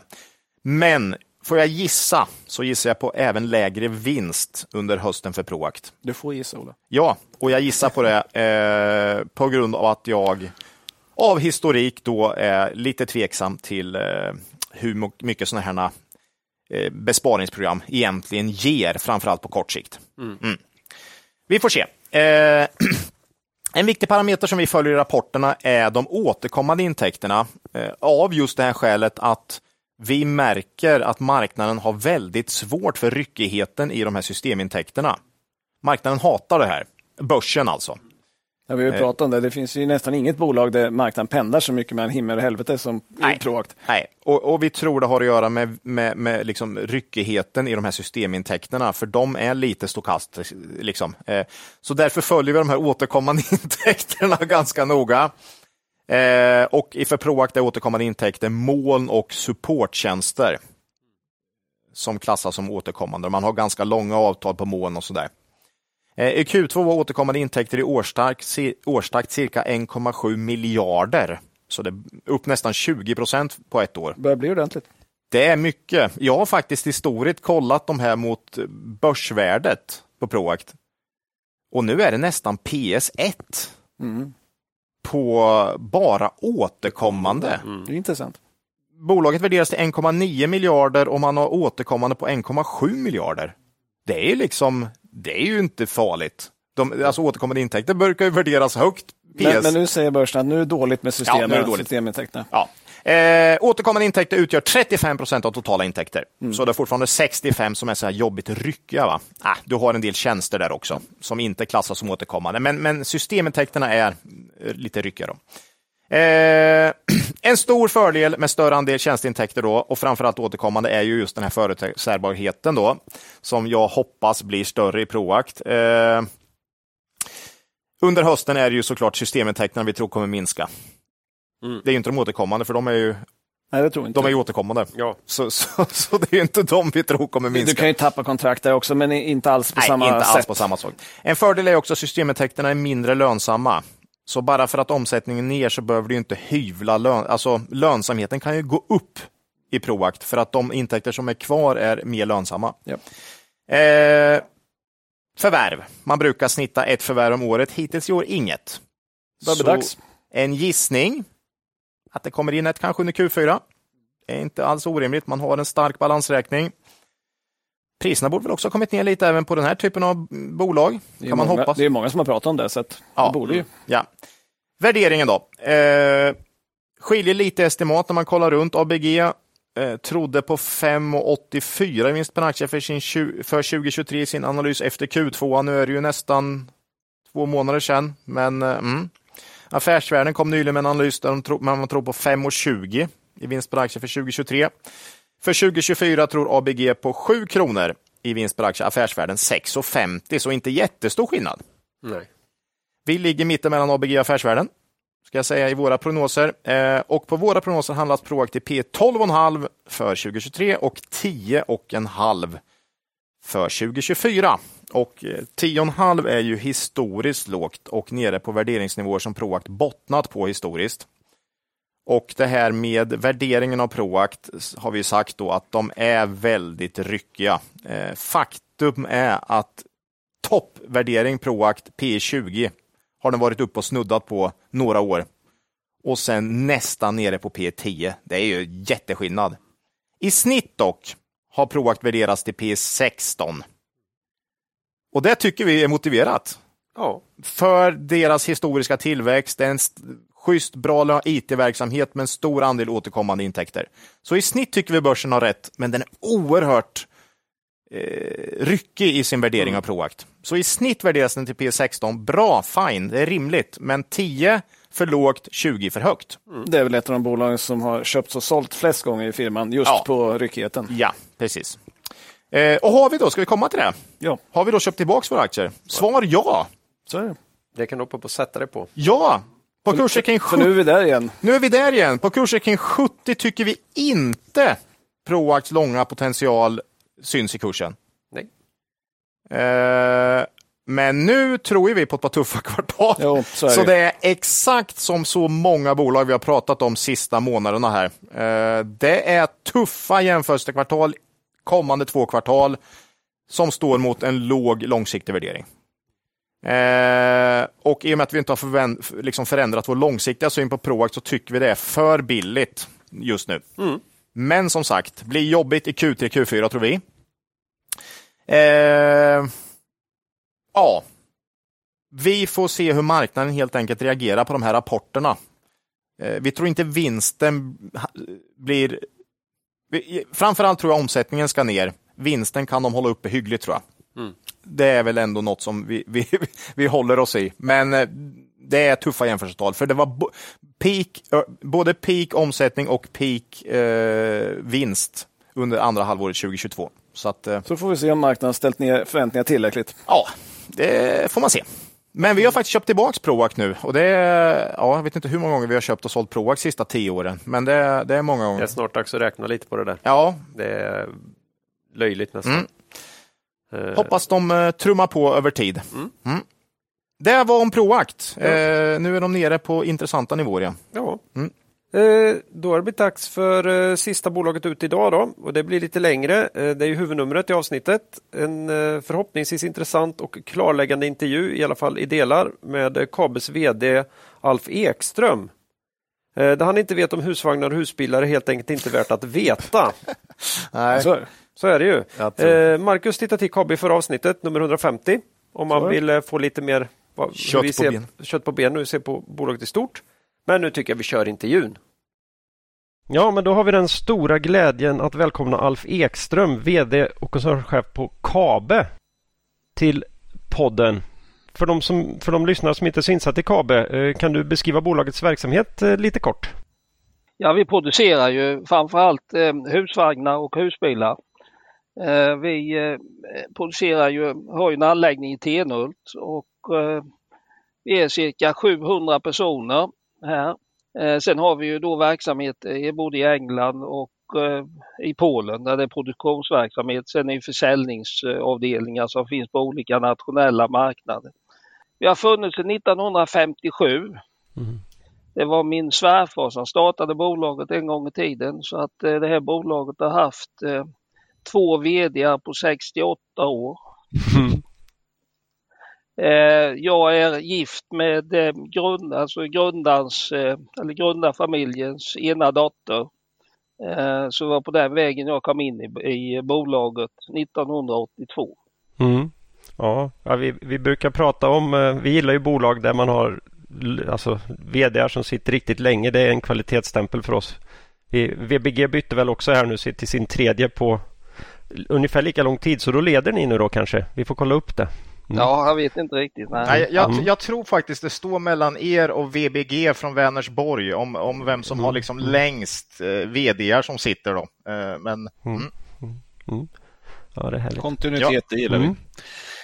Eh, vi- måste ju nästan börja med den här internationella expansionen som går med stormsteg framåt här. Eh, 2020 så, så tittar vi, då stod ju marknaden utanför Norden för 6,6 procent men i Q2 2023 då så var det 52 procent. Är det här liksom en strategiändring som ni har gjort eh, 2020 någonstans där eller liksom, vad beror det på att ni har fått sån fart på de internationella marknaderna? Ja, det, det, det hänger samman med det här eh, förvärvet utav eh, eh, Coachman Mm. som definitivt hjälper till. Sen är det ju så att, att vi hade ju egentligen en, en målsättning att köpa in oss i eh, Adria. Det hade jag så många år tillbaka och vi var ju på väg in och, och få en, en andel i, i Adria men vi på grund av att det fanns hembudsregler så missade vi ju den möjligheten. Och sen köptes det ju då av Trigano som en stor, Europas största producent egentligen. Och då försvann ju den här möjligheten för oss att det, det här samarbetet med Adria när det gäller på produktionssidan och på inköpssidan och även försäljningssidan. Och då, då började det med Coachman. Men den här, vi har haft från och till högre exportsiffror än det här som, som redovisades då för, för 2020. Eh, Vad vi får fjärde, eller andra kvartalet det är liksom också en catch-up-effekt beroende på att vi, var, var, vi var, hade försenade leveranser eh, beroende på brister i leveranskedjan. Men, men eh, om man tar Tyskland där, då, utvecklingen är synnerligen imponerande. 203 procent upp eh, och ökad till, från 8 procent till 22 procent av totalen. Varför går det så bra i Tyskland? Mm. Ja, det, alltså, man ska säga, Tyskland det, det är ju inte bara någonting som startade då, eh, 2019 utan vi började på den tyska marknaden i mitten på 80-talet så vi har, vi har träget arbetat för att ta oss in på marknaden. Och det har varit jättedåligt vissa tider och sen har vi fått tag i en importör och, och så har börjat öka försäljningen och sen var det någon gång 2010 då, då gick den importören i konkurs och då försvann alla återförsäljarna och så var det en ny en ny eh, eh, satsning återigen. Men orsaken till nu att försäljningen är så pass hög, det är faktiskt så att det var en person som blev uppsagd ifrån en tysk tillverkare eh, som kom till oss och sa det att era produkter är så unika så att kan, om jag kan ta hand om dem så kan jag öka försäljningen kraftigt. Eh, Och han, eh, Manfred Tetke som han heter, han eh, fick möjlighet att förändra det, återförsäljaravtalen. Eh, han, han förändrade eh, lite grann hur vi arbetar med garantier så han gjorde en anpassning utav så att säga, systemen som de tyska återförsäljarna är vana att arbeta med. Vi hade ju använt svenska system, vi tyckte ju det var fantastiskt bra. Men den där anpassningen gjorde att samma produkter som inte gick att sälja 2017, de gick att sälja 2020 på grund av att då kände återförsäljarna igen sig och de hade förtroende för, för Manfred, för de hade ju sett att de arbetade på marknaden tidigare. Och han tyckte ju då att, att eh, vi gör ju unika produkter och han hade ju upptäckt det. Vi stod jämte varandra på Düsseldorfmässan så hade han varit inne och kikat på, på produkterna, våra tekniska lösningar. För vi gör ändå en unik produkt. Ingen tysk tillverkare som går med att göra sån här typ av produkt. Mm. När kom han in i bolaget sa du? Ja, jag tror han kom in 2019 eller något sånt där. Mm. Okay. Men, men ni, ni, har också bytt till Mercedes va, på tyska marknaden? Ja, det har ju definitivt hjälpt. Eftersom våra husbilar är egentligen de dyraste på marknaden så, så och när det var Fiat som vi, vi, producerade på så var väl inte tyskarna speciellt imponerade utav det kan man ju säga. Va? Och ehm, det, det, när, när vi fick möjligheten att producera på Mercedes, vi fick möjligheten, det var ju att de utvecklade ett chassi som var liknande då som, som Fiat med lågbyggd och framhjulsdrift och så här. Så öppnade ju sig marknaden i Tyskland för oss definitivt. Det, alltså våra, de kostar ju över två miljoner i, i Tyskland och med tyskarna med svårighet såg väl en möjlighet att investera så mycket pengar på Fiat. Mm. Eh, kronan har ju tappat kraftigt mot euron senaste tiden. Har, har kabeln stor valutafördel i Tyskland med att ni producerar i, i kronor och de producerar i euro så att säga? Det, det, är väl som så att vi som smålänningar vi vill ju verkligen försöka maximera priset så, så ännu har vi väl inte delat med oss av den valutavinsten som finns möjligt att göra. Sen, sen en dag så kommer vi tvinga till att göra det. Tysk, tyska återförsäljare vill ju handla i euro så han vill ju inte köpa i svenska kronor. Så, men, men det, kommer, det är ju viss tid och sen går ju det över. Om vi hoppar över till eh, UK här då eh, så gjorde ni ju ett eh, så här några år senare ett förvärv som ser väldigt bra ut faktiskt. Ni köpte 21,5 procent av Coachman 2018 och i februari 2021 köpte ni resten av det bolaget. Hur, hur hittade ni det här bolaget från början och hur gick liksom diskussionerna när ni köpte hela det där bolaget? Alltså historien är, är lite lång men, men det var så att när, när, vi, när, vi, när, vi, när vi inte lyckades med Adrian så var vi tvungna att hitta något annat samarbete och där, där egentligen där prispressen är som störst är på den eh, engelska marknaden. Och då tänkte jag det att kan vi hitta ett samarbete där så kanske vi kan hitta Eh, lägre inköpspriser på, på, på material eftersom vi ju bygger husvagnar och husbilar är ju en sammansättningsfabrik egentligen som en, en bilfabrik. Eh, och, eh, men då var det så att eh, det första läget så missade jag det här med två veckor. Det såldes bolaget till, till nya ägare. Eh, men så var det sonen till den grundaren egentligen som, som tog över det. Sen fick han reda på av sin far att jag hade ringt. Så efter ett år så kom han och frågade mig vad, vad, vad var det som gjorde att du var intresserad. Och då berättade jag det för honom och, och då skulle vi satsa även på husbilar på den engelska marknaden. Så att det, det, det, det, det gjorde att vi fick möjlighet att komma in. Men sen fanns det en option också i det avtalet. För jag hade ett intresse att vi skulle öka ägarandelen. Och när, när jag ville lösa in eller utnyttja den här optionen då sa de att jag tyckte de det var bättre att vi köpte hela bolaget. Och jag tyckte att det var, det, det är fantastiskt bra personer vi har i det här bolaget i England. De är engagerade och, och de gör ju eh, ett, eh, ett jättejobb med bolaget och hur de har utvecklat det här eh, både lönsamhetsmässigt och även hur de har kunnat öka produktionen och effektiviteten i företaget. Ja, hur är det möjligt egentligen? När ni förvärvade Coachman så sa ni någonstans 350 miljoner årsomsättning och nu var det fy, nästan 500 va? He, bara på första halvåret här. Ja, det är lite valutor i det men, men, men mm. ja, jo. Men, men ja. eh, alltså, så, så är det så det finns också husbilsomsättning i de här siffrorna man tittar bara på coachman. Det blir ju resultatet blev ju att de inte ville producera husbilar för de tyckte att det var för för besvärligt och komplicerat att producera husbilar. Då kom man ju tyckte att vi skulle producera en husbil och de istället, så för ett år sedan så började vi utveckling då utav en engelsk husbil, men inte göra den så, min, vi gjorde ju inte den så att säga på ett europeiskt sätt utan vi gjorde ju den till den engelska marknaden. Mm. Så att det finns omsättningssiffror i Coachman idag som är husbilar som produceras utav Kabe.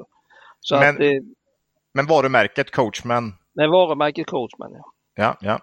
Och det här är ju då och det här är ju till för egentligen att, att ta, tas oss in på den engelska marknaden. För, för tidigare har det varit så, så att, att eh, det har varit, framförallt varit husvagnar i, i, eh, i England men nu har husbilsförsäljningen gått om husvagnsförsäljningen och det är nog nästan den sista marknaden i Europa som det är så. Så att eh, vi ser väl möjlighet till en ytterligare expansion på husbilar på den engelska marknaden. Det var vår stora fråga idag egentligen.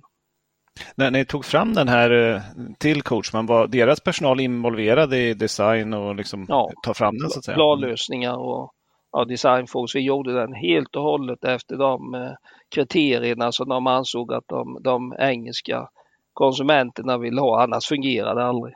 Och det har ju mm. blivit väldigt positivt omskrivet som den bästa husbilen på den engelska marknaden. Och de säljer den som en engelsk produkt, inte som en svensk produkt. Det något helt annat. Alltså. Sen har vi då övriga länder också, om vi tar sista geografiska affärsområdet här då. Eh, det stod nästan för 10% här i Q2. Vilka länder ingår där?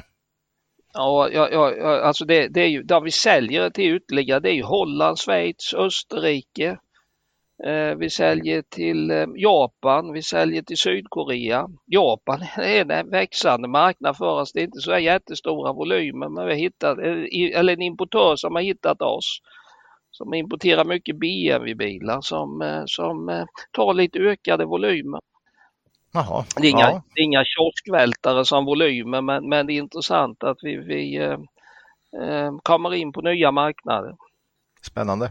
Är det Japan som är mest spännande i det segmentet då eller är det någon ah. speciell marknad ni tycker ser spännande ut? England. Alltså England har vi en ytterligare del och vi har ju bara varit och, och rafsat lite grann på, det, på den eh, tyska marknaden med. Det finns ju mycket mer eh, volymer. Så länge vi kan göra en unik produkt, vi har ju den här devisen, KABA alltid steget före så att vi, vi gör ju en, en, en, produkt som inte de tyska tillverkarna och franska tillverkarna gör. För den är ju gjord för året runt bruk i det skandinaviska klimatet. Det passar ju till och med lite bättre nu i Europa nu med, med med är ökade, ökad värme för bra isolering för, för köld. Det är ju även bra isolering mm. för värme. Eh, men framförallt kan jag säga att det som har gett genomslag på husbilarna det är Mercedes-chassit.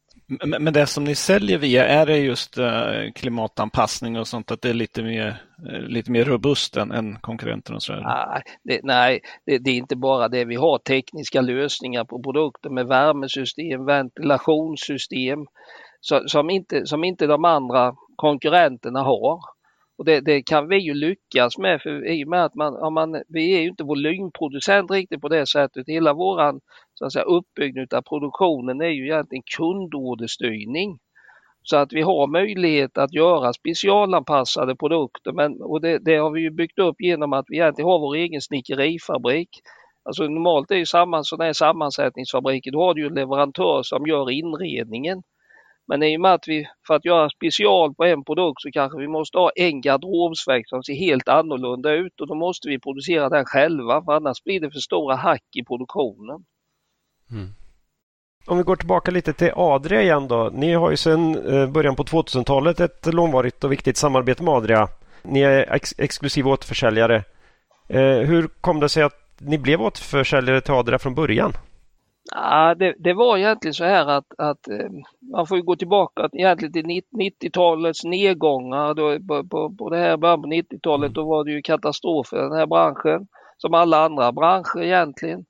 Eh, sen började man ju då, började volymerna växa och då började vi även att utöka produktportföljen med billigare typer av produkter. Men vi fick aldrig ihop de här billigare produkterna för vi är så vana vid att producera det som är exklusivt och det som är dyrt. Det är liksom mantran i hela företaget. Eh, och eh, då började jag titta på vad kan vi hitta sam andra samarbetspartner. Och eh, då, då, fick jag kontakt med, med, en kille där på Adria som heter Bojan Peljan som eh, eh, som anam anammade de här idéerna som jag hade då att vi skulle samordna varumärkena på ett återförsäljarnät. Jag uttryckte honom att eh, Kave blir vinnare men den som blir allra mest vinnare på det här är Adria. I och med att de har ett eh, bredare produktsortiment som riktar sig så alltså även mycket mer till yngre, yngre kundgrupp och så blev det en fantastisk utveckling. Så vi på några år blev ju deras största kund. Mm. Ehm, och vi har drivit olika utvecklingsprojekt tillsammans och inköpsprojekt under årens lopp och vi har, vi har ett jättebra samarbete med Slovenien. Mm. Ja. Nej, eh, det blev ju som sagt sålt och inte till er då. Då tänkte man att nu, nu blir det tufft här med Adria. Men i, i mars 2023 så förlängde ni avtalet med Adria till 2034 med option om ytterligare förlängning vad vi kan läsa oss till. Eh, vad betyder det här för Kabe och eh, är, är, det, är, det, är det ett bra avtal ni har fått till här? Ja, det är samma avtal som vi haft tidigare så det är, det är, inga förändringar på det avtalet. Vi har bara förlängt datumen och det har vi gjort tidigare med. Det var inte första gången. Jag tror att detta var fjärde gången vi förlängde avtalet. Mm. Eh, vi har inte förlängt avtalet så långt tidigare. Men eh, för Kabels räkning så innebär ju det att vi, vi, vi har det här varumärket. Vi kan arbe fortsätta arbeta med vår, vår strategi och samordna åter, de här varumärkena på, på återförsäljarkåren så att mm. det, det, på något sätt så, så lugnade ju ner vår eh, situation, återförsäljarens situation mm. och, och den som förnyar det avtalet inte jag för 34 så kommer jag nog inte finnas med i bolaget längre. Och det var också en del, för säga, en del av förlängningen för hon som är VD på Adria som heter Sonja Gold. Vi sa det båda två att nu förlänger vi så länge det, så långt det går. För att vi kommer inte kunna sitta med nästa gång någon av oss. Så, att, eh, så det var bra. Ja. Eh, vi antar att marginalerna här på försäljning av eh, produkter från Adria är klart lägre än er egen försäljning. Har, har, ni någon gång avslöjat liksom vad, vad skillnaden är här? Nej. Nej. Och det är inte dags nu heller? Nej, det var inte dags nu heller. Då. Nej. Nej. Så är det. En, en lite nyare satsning då eh, är ju husbilarna under, som går under namnet Affinity eh, och tillverkas i Polen. Kan ni beskriva lite grann om, om den satsningen? Ja, det, det är egentligen så här eh, eh, att eh, jag går tillbaka till England när, när jag beslutade att vi skulle försöka hitta ett samarbete med Coachman så var det så att den killen som är, är chef på Coachman, Elliot Hips som han heter, han är, han är så stolt för sin produkt. Man märker det med en gång när man pratar med honom. och Jag tycker det är fantastiskt med sådana personer som är stolta för produkten för då vet man om att de driver utveckling utav den. För det är mycket frågan om att orka driva utveckling på produktsortimentet. Men det var likadant, det här med van har vi inte varit inne på på Kabe. Vi har varit fingrat lite grann på det men, men, men i och med att det inte finns i Skandinavien den marknaden på van så kan man inte konkurrera med de stora tillverkarna. Eh, och då skulle vi försöka hitta ett samarbete. Då var jag på en mässa i Norge och eh, där var det då en producent ifrån Polen. Och jag, då gick jag där och tittade på den där, presenterade mig inte vem jag var, men då träffade en kille, Jacek som han heter, där mässan. Och då, då, då visar han mig produkten. Han är så stolt för den här produkten och, och, och är, gör en unik produkt. Så jag säger till honom att kan vi inte gå och sätta oss och ta en kopp kaffe istället du och jag? Då presenterar jag för honom. Kan, du, kan vi göra ett projekt ihop? Då var han ju anställd hos en producent. Men, men sa nej, jag, jag gör inte det nu. Men eh, jag hade lite kontakt med honom. Så ringde han upp mig och sa det, det är dags. Vi har blivit ovänner nu det är dags, nu sätter vi igång en produktion i Polen. Så på den vägen är det. Så att eh, de är ju två stycken som är delägare med 20 procent på företaget i Polen och gör ett, ett fantastiskt jobb, jag måste säga det. Så att eh, Problemet egentligen är väl att vi sitter i för små lokaler idag så att det är svårt att få upp volymen. Nu är ju målsättningen att nå 400 enheter. Mm, jag såg i Q2-rapporten där så ökar vi ändå omsättningen 35 procent till 85 miljoner, det är ju bra. Ni, ni, ni talar om att öka produktionen till 400 enheter skulle ge en omsättning på 250 miljoner någonstans. N när ungefär tror ni att ni kan nå den målsättningen? Ja, det här är ju, alltså det, det, det är ju så att det har funnits en brist på chassin i hela Europa och framförallt på Fiat och det är, det är ju en, det är en halvledarproblematik i det är som allting annat. Um, så att vi har ju då även utvecklat eh, Vans på, på MAN.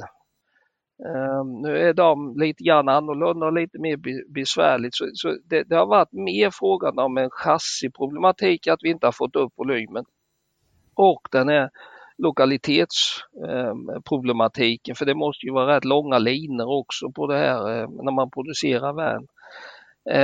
Nu har vi fått tag i grejer så att vi kommer att, att, att trycka upp produktionen eh, ytterligare. Ehm, vi håller på att även titta på, på event, nya lokaler, att köpa egna lokaler nere i Polen men vi, vi är inte riktigt där än, vi har inte fått ihop priserna. Men, men efterfrågan är god på de här Vansen eller? Ja det är de. Alltså det, han kan definitivt säga att han gör en unik produkt. Det, han, han, har svårt att konkurrera med en stor, de stora europeiska tillverkarna utav Vans också men han, han skapar, skapar unika produkter och det är i småskaligheten som kan göra det. Och kanske kan göra då 400-500 sådana enheter. Um, men um, stor kunskap på produkten, en bra chef. Mm. Så, så det är mer en fråga om att rampa produktionen, att hitta efterfrågan så att säga? Ja. Mm. Eh, vi är ju en podd som fokuserar ganska mycket på risker då eh, och nedsida. Den, den tydliga risken man ändå känner med KABE är väl konjunkturell får man säga om man tittar på historiken. Men 2018 eh, insåg man att det kanske finns lite andra risker här. Eh, bonus manus införde och politisk risk eh, är ju kanske en, en risk som, som kan träffa KB ibland. Hur, hur, hur påverkade det här försäljningen av husbilar? Hur kan ni liksom parera den här typen av politiska beslut på olika marknader? Alltså, åter tillbaka så som du ställer frågan. Så, så, så om den här, den här eh, makroekonomiska risken på något sätt, eh, den har jag aldrig sett som en risk, den har jag sett som en möjlighet. Alltså flyttar vi fram varje, alltså när vi går, när vi går tillbaka 40 år i tiden här så, så eller 50 år så började, det fanns det 24 producenter utav husvagnar i Sverige. Idag är vi ju två kvar eh, egentligen. Så att varje sån här nedgång har vi ju hanterat på ett sätt för att, att stå stärkta när väl marknaden vänder. Det har ju varit vår, vår möjlighet egentligen. Va? Eh, och där har vi haft evinnerlig tur eh, att egentligen varje utnyttja varje nedgång till våran egen fördel. Jag tror, in, jag tror inte det är tur för det första och för det andra så är ju bra bolag brukar kunna utnyttja den här typen. Däremot investerare har ju ofta en väldig rädsla för konjunktur, för man vet att aktiekurserna ofta dyker. För er är det ju bra långsiktigt, men för investerare som investerar på tre månaders sikt eller sex månaders sikt kan det ju vara fullkomlig katastrof ibland. Så att där har vi två olika perspektiv som vi ofta gillar att belysa. Eh, att, att det kan vara bra att köpa aktier som har tappat på grund av kortsiktig konjunkturell oro fast det långsiktiga caset kanske till och med har stärkts. Ja, alltså det, jag håller med om det. Va? Det, det, är ju liksom vårt, egentligen vårt problem för att vi, vi, vi, vi folk ser, som du säger, den kortsiktiga delen. Nu, går, nu, nu försämras konjunkturerna, då åker KABE dit på något sätt. Va? Som mina kollegor i Jönköping, det var någon som sa det, vi behöver inte läsa några konjunkturrapporter, vi bara kan läsa på första sidan på Jönköpingsposten. Nu är det uppsägningar på KABE, då vet vi att nu går, då börjar marknaden gå ner. Och tvärtom, när nu börjar KB återanställa, för vi är ofta så tidigt i alla konjunktursvängningar. Ja. Eh, så, så, så, du har absolut rätt i det som, för, som en investerare så är det jädrigt svårt att liksom tajma de här kraftiga upp och nedgångarna som vi har. Men vi, vi, sen sitter vi ju liksom som ägare, vi är ägare av kött och blod och våra beslut är mycket mer långsiktiga. Vi ser ju det, alltså vi arbetar med, med att utnyttja de här konjunkturerna och vi investerar ju, jag brukar säga att vi försöker tjäna lite pengar på högkonjunkturen och så investerar vi dem när lågkonjunkturen träder in för att stå stärkta och kunna öka volymerna snabbt som attsingen när, när konjunkturen väl vänder. Mm. Eh, jätteintressant såklart. Eh, viktigt för många att få höra det där. Men om vi går tillbaka till den egentliga frågan med bonus malus då. Eh, vad hände där och hur kan ni parera den typen av, av, av jag, trodde, politiska... jag, trodde du, jag trodde du skulle glömma den. Nej då, nej då, nej då. För mycket, mycket kan vi påverka men där har vi ingen större påverkan. Nu. Det kan vi skälla på politiker som kommer hit men det, det, det, är, som, det är som att hälla vatten på en gås. Mm. Eh, alltså det här bonus malus systemet, men det är inte första gången. Men jag, alltså jag tycker ju eh, principiellt att de där eh, så att säga, förändringarna som, som vi inte råder över på något sätt, va? De, är, de är vårt stora problem och det är inte första gången på husbilar. Alltså man införde detta, vi hade produktion av husbilar på 80-talet men vi var tvungna att stoppa den. För man, man hade nu nya avgasbestämmelser så man, man fick producera på årsmodell 89 fram till 94 och det fanns ju ingen möjlighet att få tag i chassin ens. Eh, och, och bonus malus-systemet är ju också något sånt där som är infört utav småpartier på något sätt när det gäller eh, alltså, eh, hur, det, här, det här har belastats husbilsförsäljningen. Och, och vi gör ju allt så att säga för att försöka få de här Eh, besluten ändrade. Vi, vi, vi lobbar och vi träffar riksdagsledamöter och alltihop. Men det, det, vi lägger ner jättemycket tid. Men vi får inte fram några centerpartister och miljöpartister i debatten. Va? Det är alltid de andra partierna som kommer hit och, och, och lyssnar och försöker förstå det här. Men de som har liksom verkligen bidragit till ett sånt jävla katastrofalt beslut som det är för husbilsbranschen, de kommer inte hit och lyssnar på oss. Va? Nej.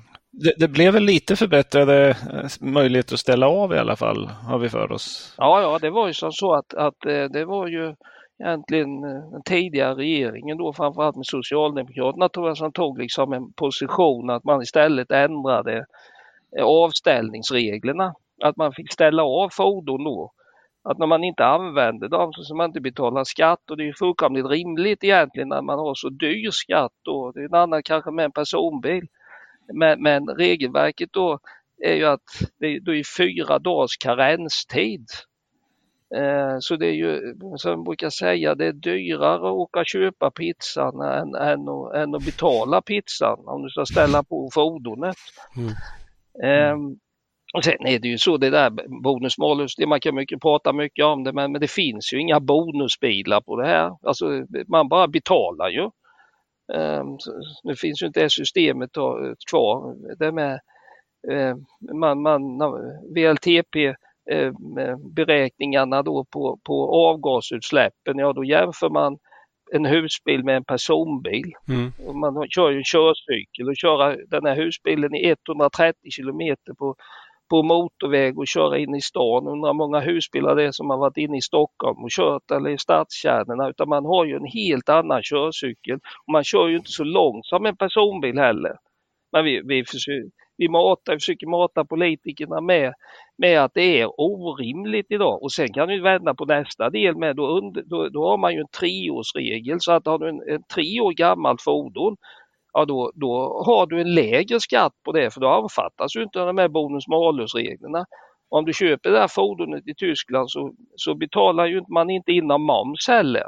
Alltså att köpa en ny husbil betalar för 2 miljoner, han betalar ju 400 000 i moms. Så att man, man får ju den här skatten som man har höjt förlorar man ju då i minskade momsintäkter mångdubbelt alltså. Mm. mm. Ja, det, Suboptimering på, på något sätt, ja. Mm. Ja, verkligen. Mm. Mm. Nej, men jag, jag, jag kan skjuta in här. Jag jobbade i min tidigare karriär jobbade jag ju med lobbying för uh, energiåtervinning ur avfall. Där kan du tänka att det, det är lite samma gäng som man måste diskutera med där. Eh, det, det enda jag kan råda dig till är ju hur, hur tröstlöst den känns. Ge, man får aldrig ge upp. Man måste hela tiden peta i det här såret och peka och peka och peka. För de orkar inte heller hålla på med dumheter i evighet. Det blir för jobbigt. Plastpåskatten försvinner väl här nu till exempel igen tror jag. Så, så att eh, ja. tyvärr, det är, bara, det är bara att hålla i. Jag, jag ser ju att ni gör ett bra jobb liksom. Ja, det är, det är många som är involverade mm. i detta. Eh, mm. Mm. Och det, det enda stället det finns på är Sverige med. Ja, ja. Ja. Det är ju helt visst att göra unika regler i Sverige. Mm. Det, det där är ju också något vi pekar på när det gäller politisk risk, att det kan vara bra att ha verksamhet på många olika geografiska marknader, för det är sällan det tas övergripande sådana här beslut, utan det kanske kommer på den holländska marknaden eller svenska eller Norge, men inte alla samtidigt. Så, så, då har man ändå en spridning på det. va? Eh, ja, Ja, ja, ja det, det är så. Det, det, har ju varit vår ambition som ni förstår, som jag försöker beskriva. Det gör ju att göra bolagen mer eh, internationellt mm. för att inte vara så stelbent beroende av utvecklingen på den svenska marknaden. Mm. Mm.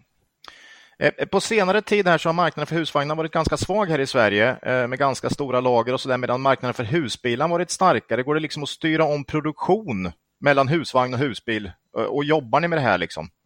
Ja, det, vi jobbar med det kontinuerligt. Vi jobbar i produktionen med så kallade standardiserade arbetssätt så att, att det finns ju möjlighet då att, att folk blir upplärda både på husvagnar och husbilar. Nu har vi ju vi har ju, även om marknaden, alltså försäljningen har gått ner till exempel med husvagnar så har vi ju den här, den här nedgången inte gjort några uppsägningar överhuvudtaget.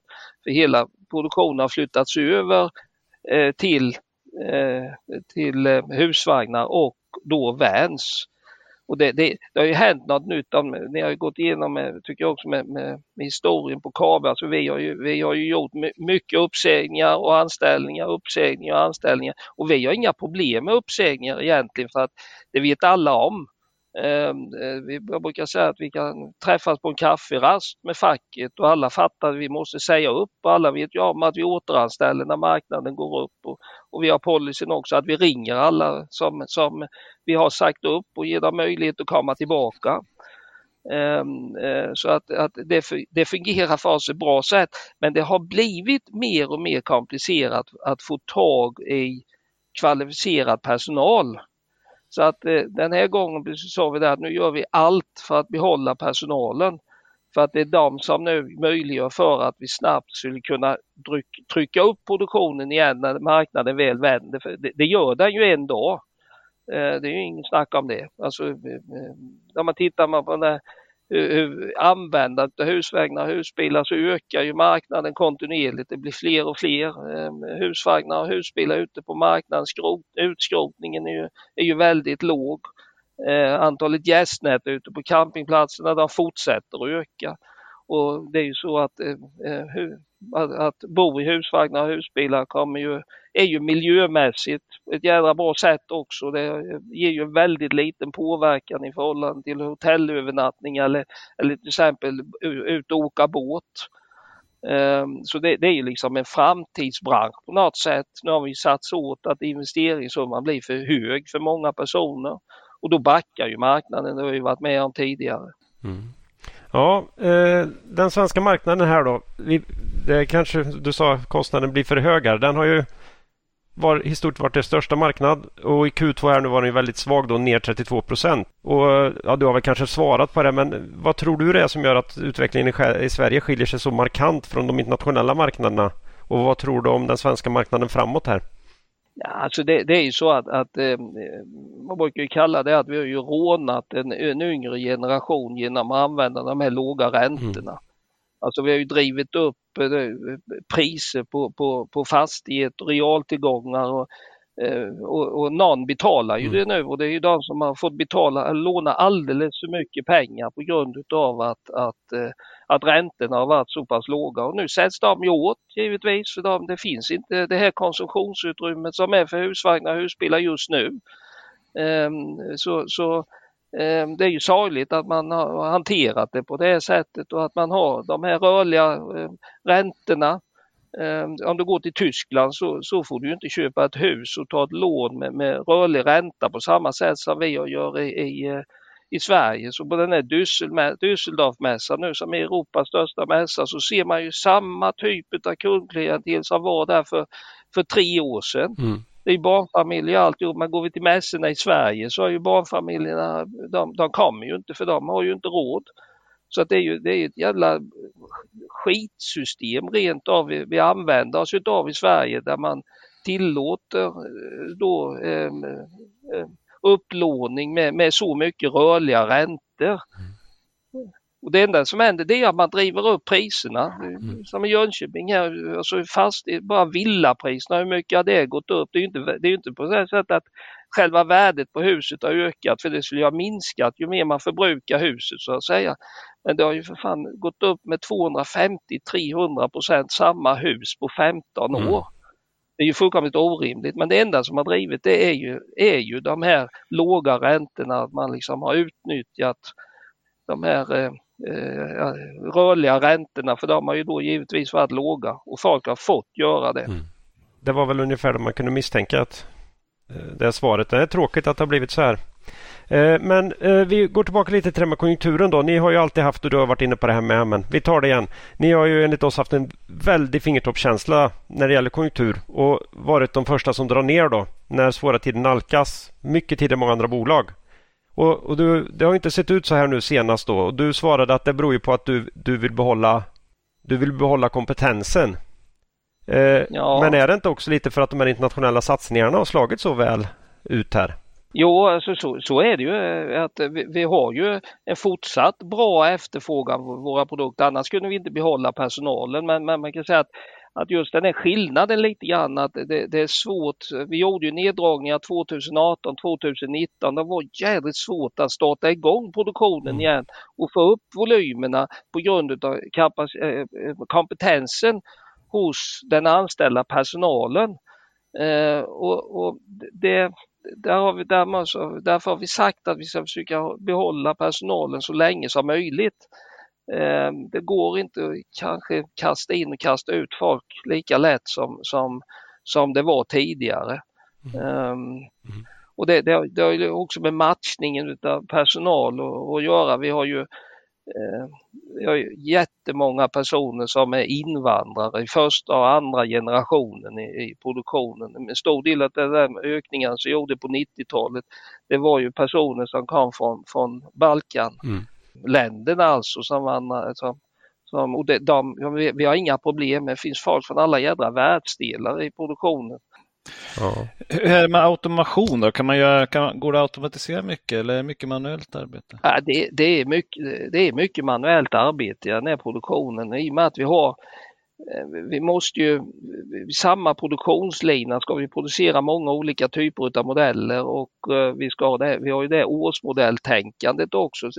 Så att det, det, är faktiskt svårt att göra. Vi har ju viss del lite robotar i våran produktion men, men mycket är eh, manuellt arbete. Det är svårt att komma ifrån det. Mm.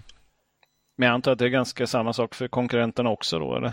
Ja, det är nog så. Det var en som var här som han sa, det var första gången han sett några robotar i, i en hushållsproduktion överhuvudtaget. Så att ehm, ja, det är mycket manuellt arbete. Mm. Om man tittar lite framåt då. Eh, KB har ju väldigt stark finansiell ställning och stor kassa och det förvärvet av Korsman blir väldigt lyckat. Hur, hur, ser ni på möjligheten till fler förvärv? Och finns det potentiella bolag där ute att köpa eller hur, hur ser det ut? Ja, det, det är väl så. Det har varit en väldig konsolidering egentligen på den här branschen som började på, på, på egentligen på 90-talet eftersom många fick jättestora problem då, framförallt nere i Tyskland. Eh, så att det, det är inte, finns inte så många företag eh, längre så att säga, utan det är mycket eh, frågan om organisk tillväxt nu. Det är det vi gillar egentligen. Va? Det är det som är störst lönsamhet. Det är också de där förvärven. Vi, vi är också en liten organisation. Va? Det krävs rätt stora organisationer för att göra stora förvärv. Det som hade passat oss som hand i handsken hade varit det Adria förvärvet men det, det, det förlorade vi. Mm. Mm. Men, men, strategin på lite sikt, det är fler länder och fler marknader antar jag. vad är ja. de största hindren mot att ja, ytterligare internationell expansion så att säga? Ja, hindren det är nog mest oss själva i så fall. Att det är liksom att vi, vi bedömer att vi inte klarar det. Att vi har lite lyckträff i Tyskland och hittar den där personen som och det, det, har ju lärt oss någonting att, att, hur man ska göra det här och liksom även eh, England att, att den här um, anpassningen för den marknaden, hela produktutbudet, det är så jädra viktigt. Man har kanske ibland hoppat över ett och annat steg och då har det inte fungerat. Om man tar det här med Tyskland till exempel där vi har varit sedan 80-talet då och inte fått upp volymerna eh, på samma sätt som vi då har fått på egentligen två år. Mm.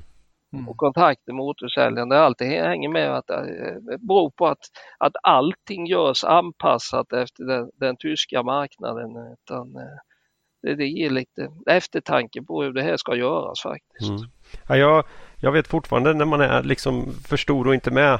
När jag har kört Toyota i alla år och sen helt plötsligt så de modellerna jag ville titta på. Nej, du kan inte ha riktig dragkrok på den. Den får bara lasta. Ja, det var något fjantigt. Jag kanske kunde hängt en cykel på den. Och då sa men hur, hur kan ni ha det här på svenska marknaden? Nej, men du vet i Japan där, där har man inga där, där, eh, där, där kör man, det är andra som kör grejer åt en så det behöver man ingen dragkrok. Och då, då känner man, ja, så ni är helt ointresserade av mig liksom. Det är en sån liten ja. sak och den är så självklar. Men nej, ja. okej, okay, ja, men jag har aldrig varit inne hos en Toyota. Då hade jag kört Toyota sedan jag tog körkort. Ja. Så nu, nu är det andra som får sälja bilar till mig. Ja, men det, det, det, krävs att det är starka personer som mm. talar om det för en också. Mm. Talar om det. Alltså det är en hel organisation mm. i det fallet som måste ställa om liksom. Va? Mm. Och då krävs det att det är lite, lite personer med nypor i och det är det den är tysken, jag måste mm. säga det. Ja, men det låter jätte, jättebra ju. Ja. Mm. Vi pratar ju värdering mycket i kvalitetsaktiepodden och eh, det är ju inte egentligen ditt till dig och prata om värdering av aktien kanske, men, men om vi kollar på KABE så är det ju vad vi kallar ett väldigt fint kvalitetsbolag med bra omsättningstillväxt historiskt och bra lönsamhet i snitt. Ni har vuxit med 12,3 procent i snitt, alltså omsättningen sista tio åren och vinsttillväxten har varit 14 procent i snitt. Det är riktigt starkt faktiskt.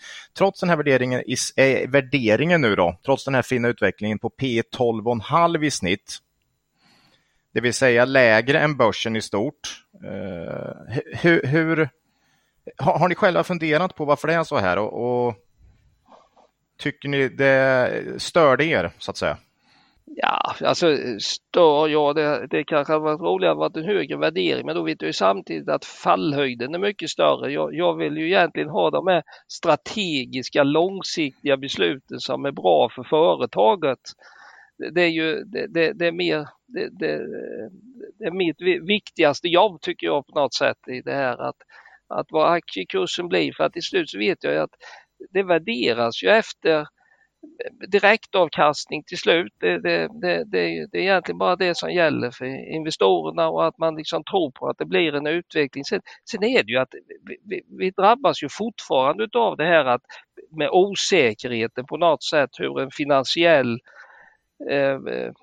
politisk situation så att säga på något sätt påverkar vår verksamhet. Va? Alltså, det, det finns ju fortsatt en rädsla för det. Mm.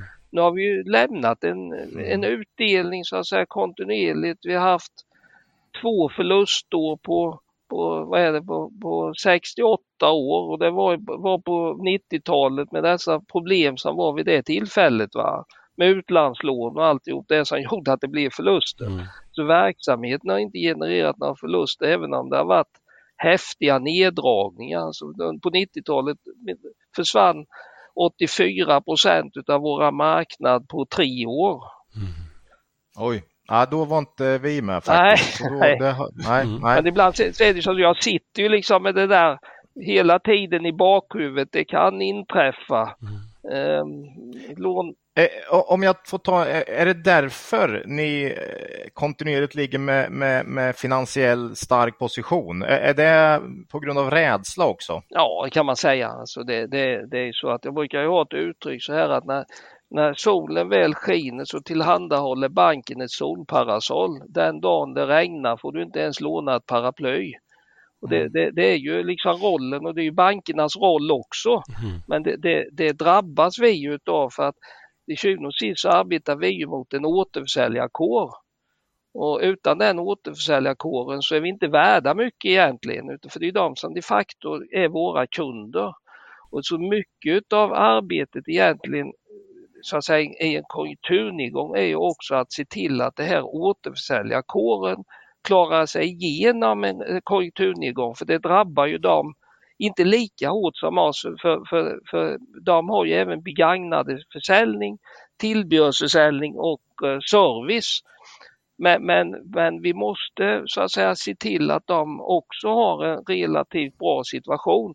Så att det är klart att kassan använder vi oss av att stödja återförsäljarledet vid nedgången för då får vi med oss liksom alltihop när det väl vänder en gång i tiden, att vi kan trycka upp det här med en gång. Hade vi inte återförsäljarkåren så kan vi inte snabbt vända produktionen, för det är en snabba vändning av produktionen att vi kan utnyttja hela högkonjunkturen. Ofta är det så, så att företag är ofta för sent in i högkonjunkturen. Så man kan inte utnyttja he hela konjunkturen och då är man ofta för sent att dra ner också.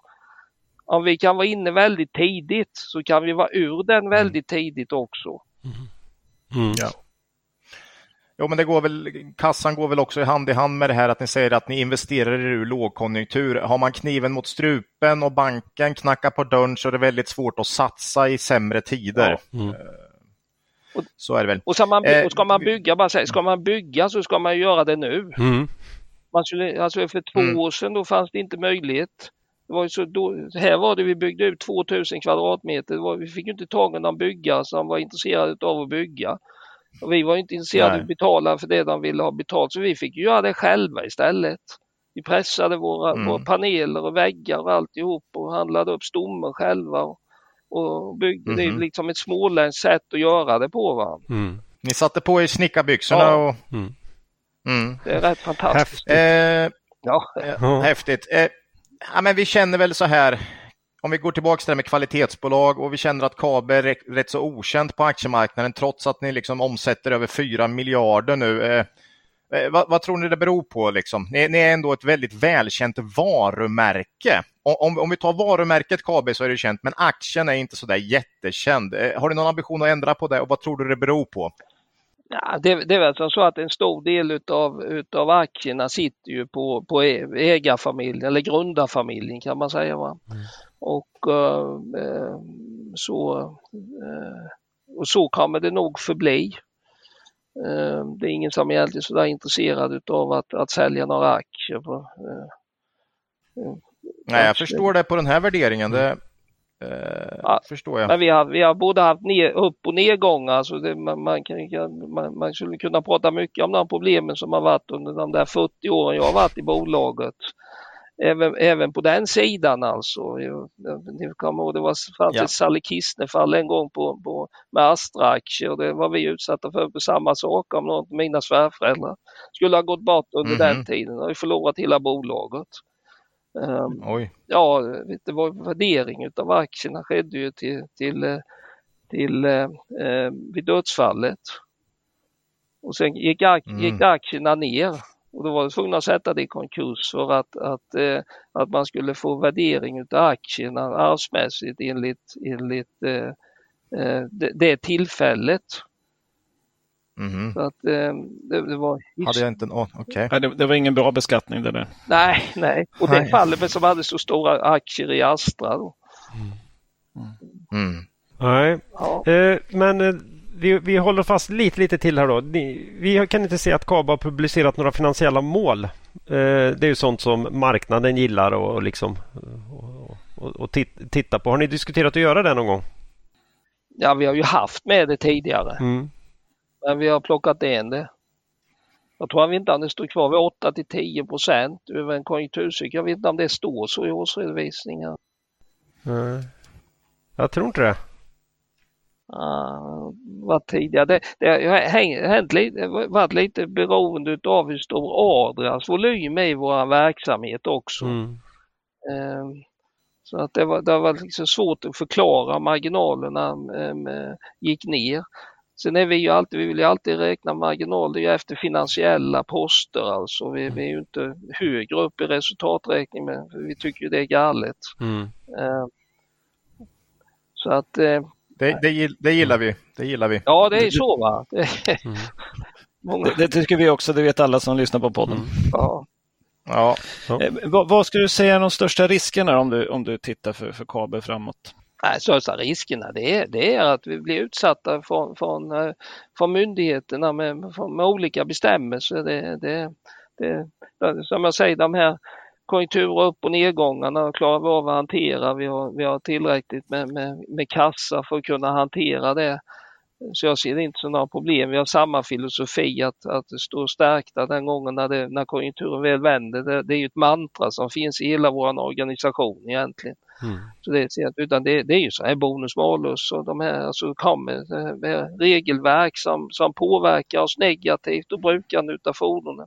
Nu håller vi på mycket med, med också det här med eh, 3500 kilo, att man höjer vikt, totalvikten som skulle påverka oss positivt. Det visar sig att det är ju regelverk som man satte 1973 eller 74. Alla frågar sig varför är det 3,5 ton på körkorten. Mm.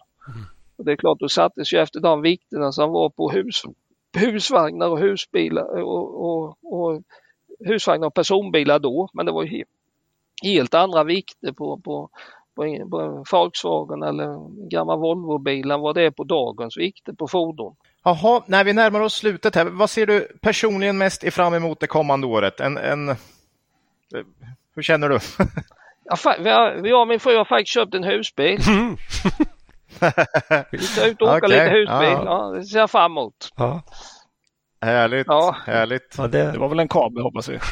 Ja, kanske en coachman, vem vet? Ja. Ja. Ja. Ställena får jag intervjua din annan podd. Som, det var en husbilspodd på Elmia-mässan. Så berättade det också. Ni fattar, så, så, så, ni fattar vad vi har köpt för bil. Det var ingen som ställde några frågor om något annat. nej, nej. Ja. ja. vad härligt.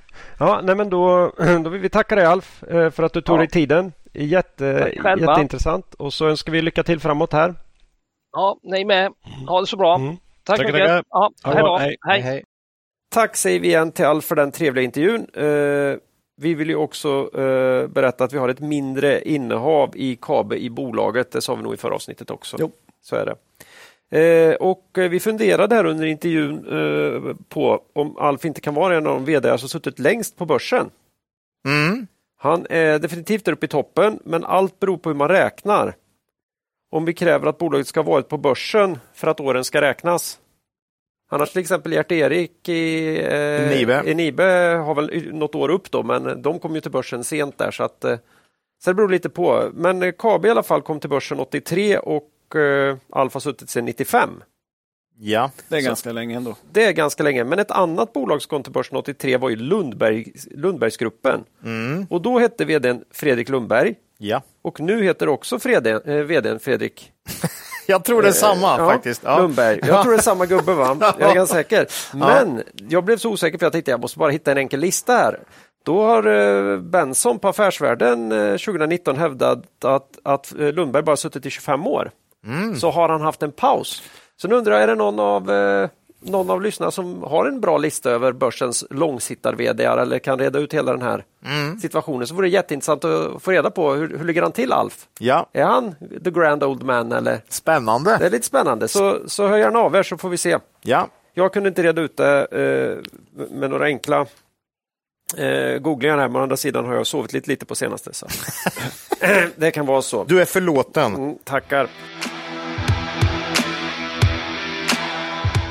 Vi närmar oss slutet för avsnittet i alla fall. Nästa avsnitt är nummer 152, kommer ut den 12 oktober och eh, då är vi ju snubblande nära starten på nästa rapportperiod. Men inte riktigt där. Inte riktigt än. Nej. Så eh, i väntan på den blir det några företag, eh, varav minst ett nytt.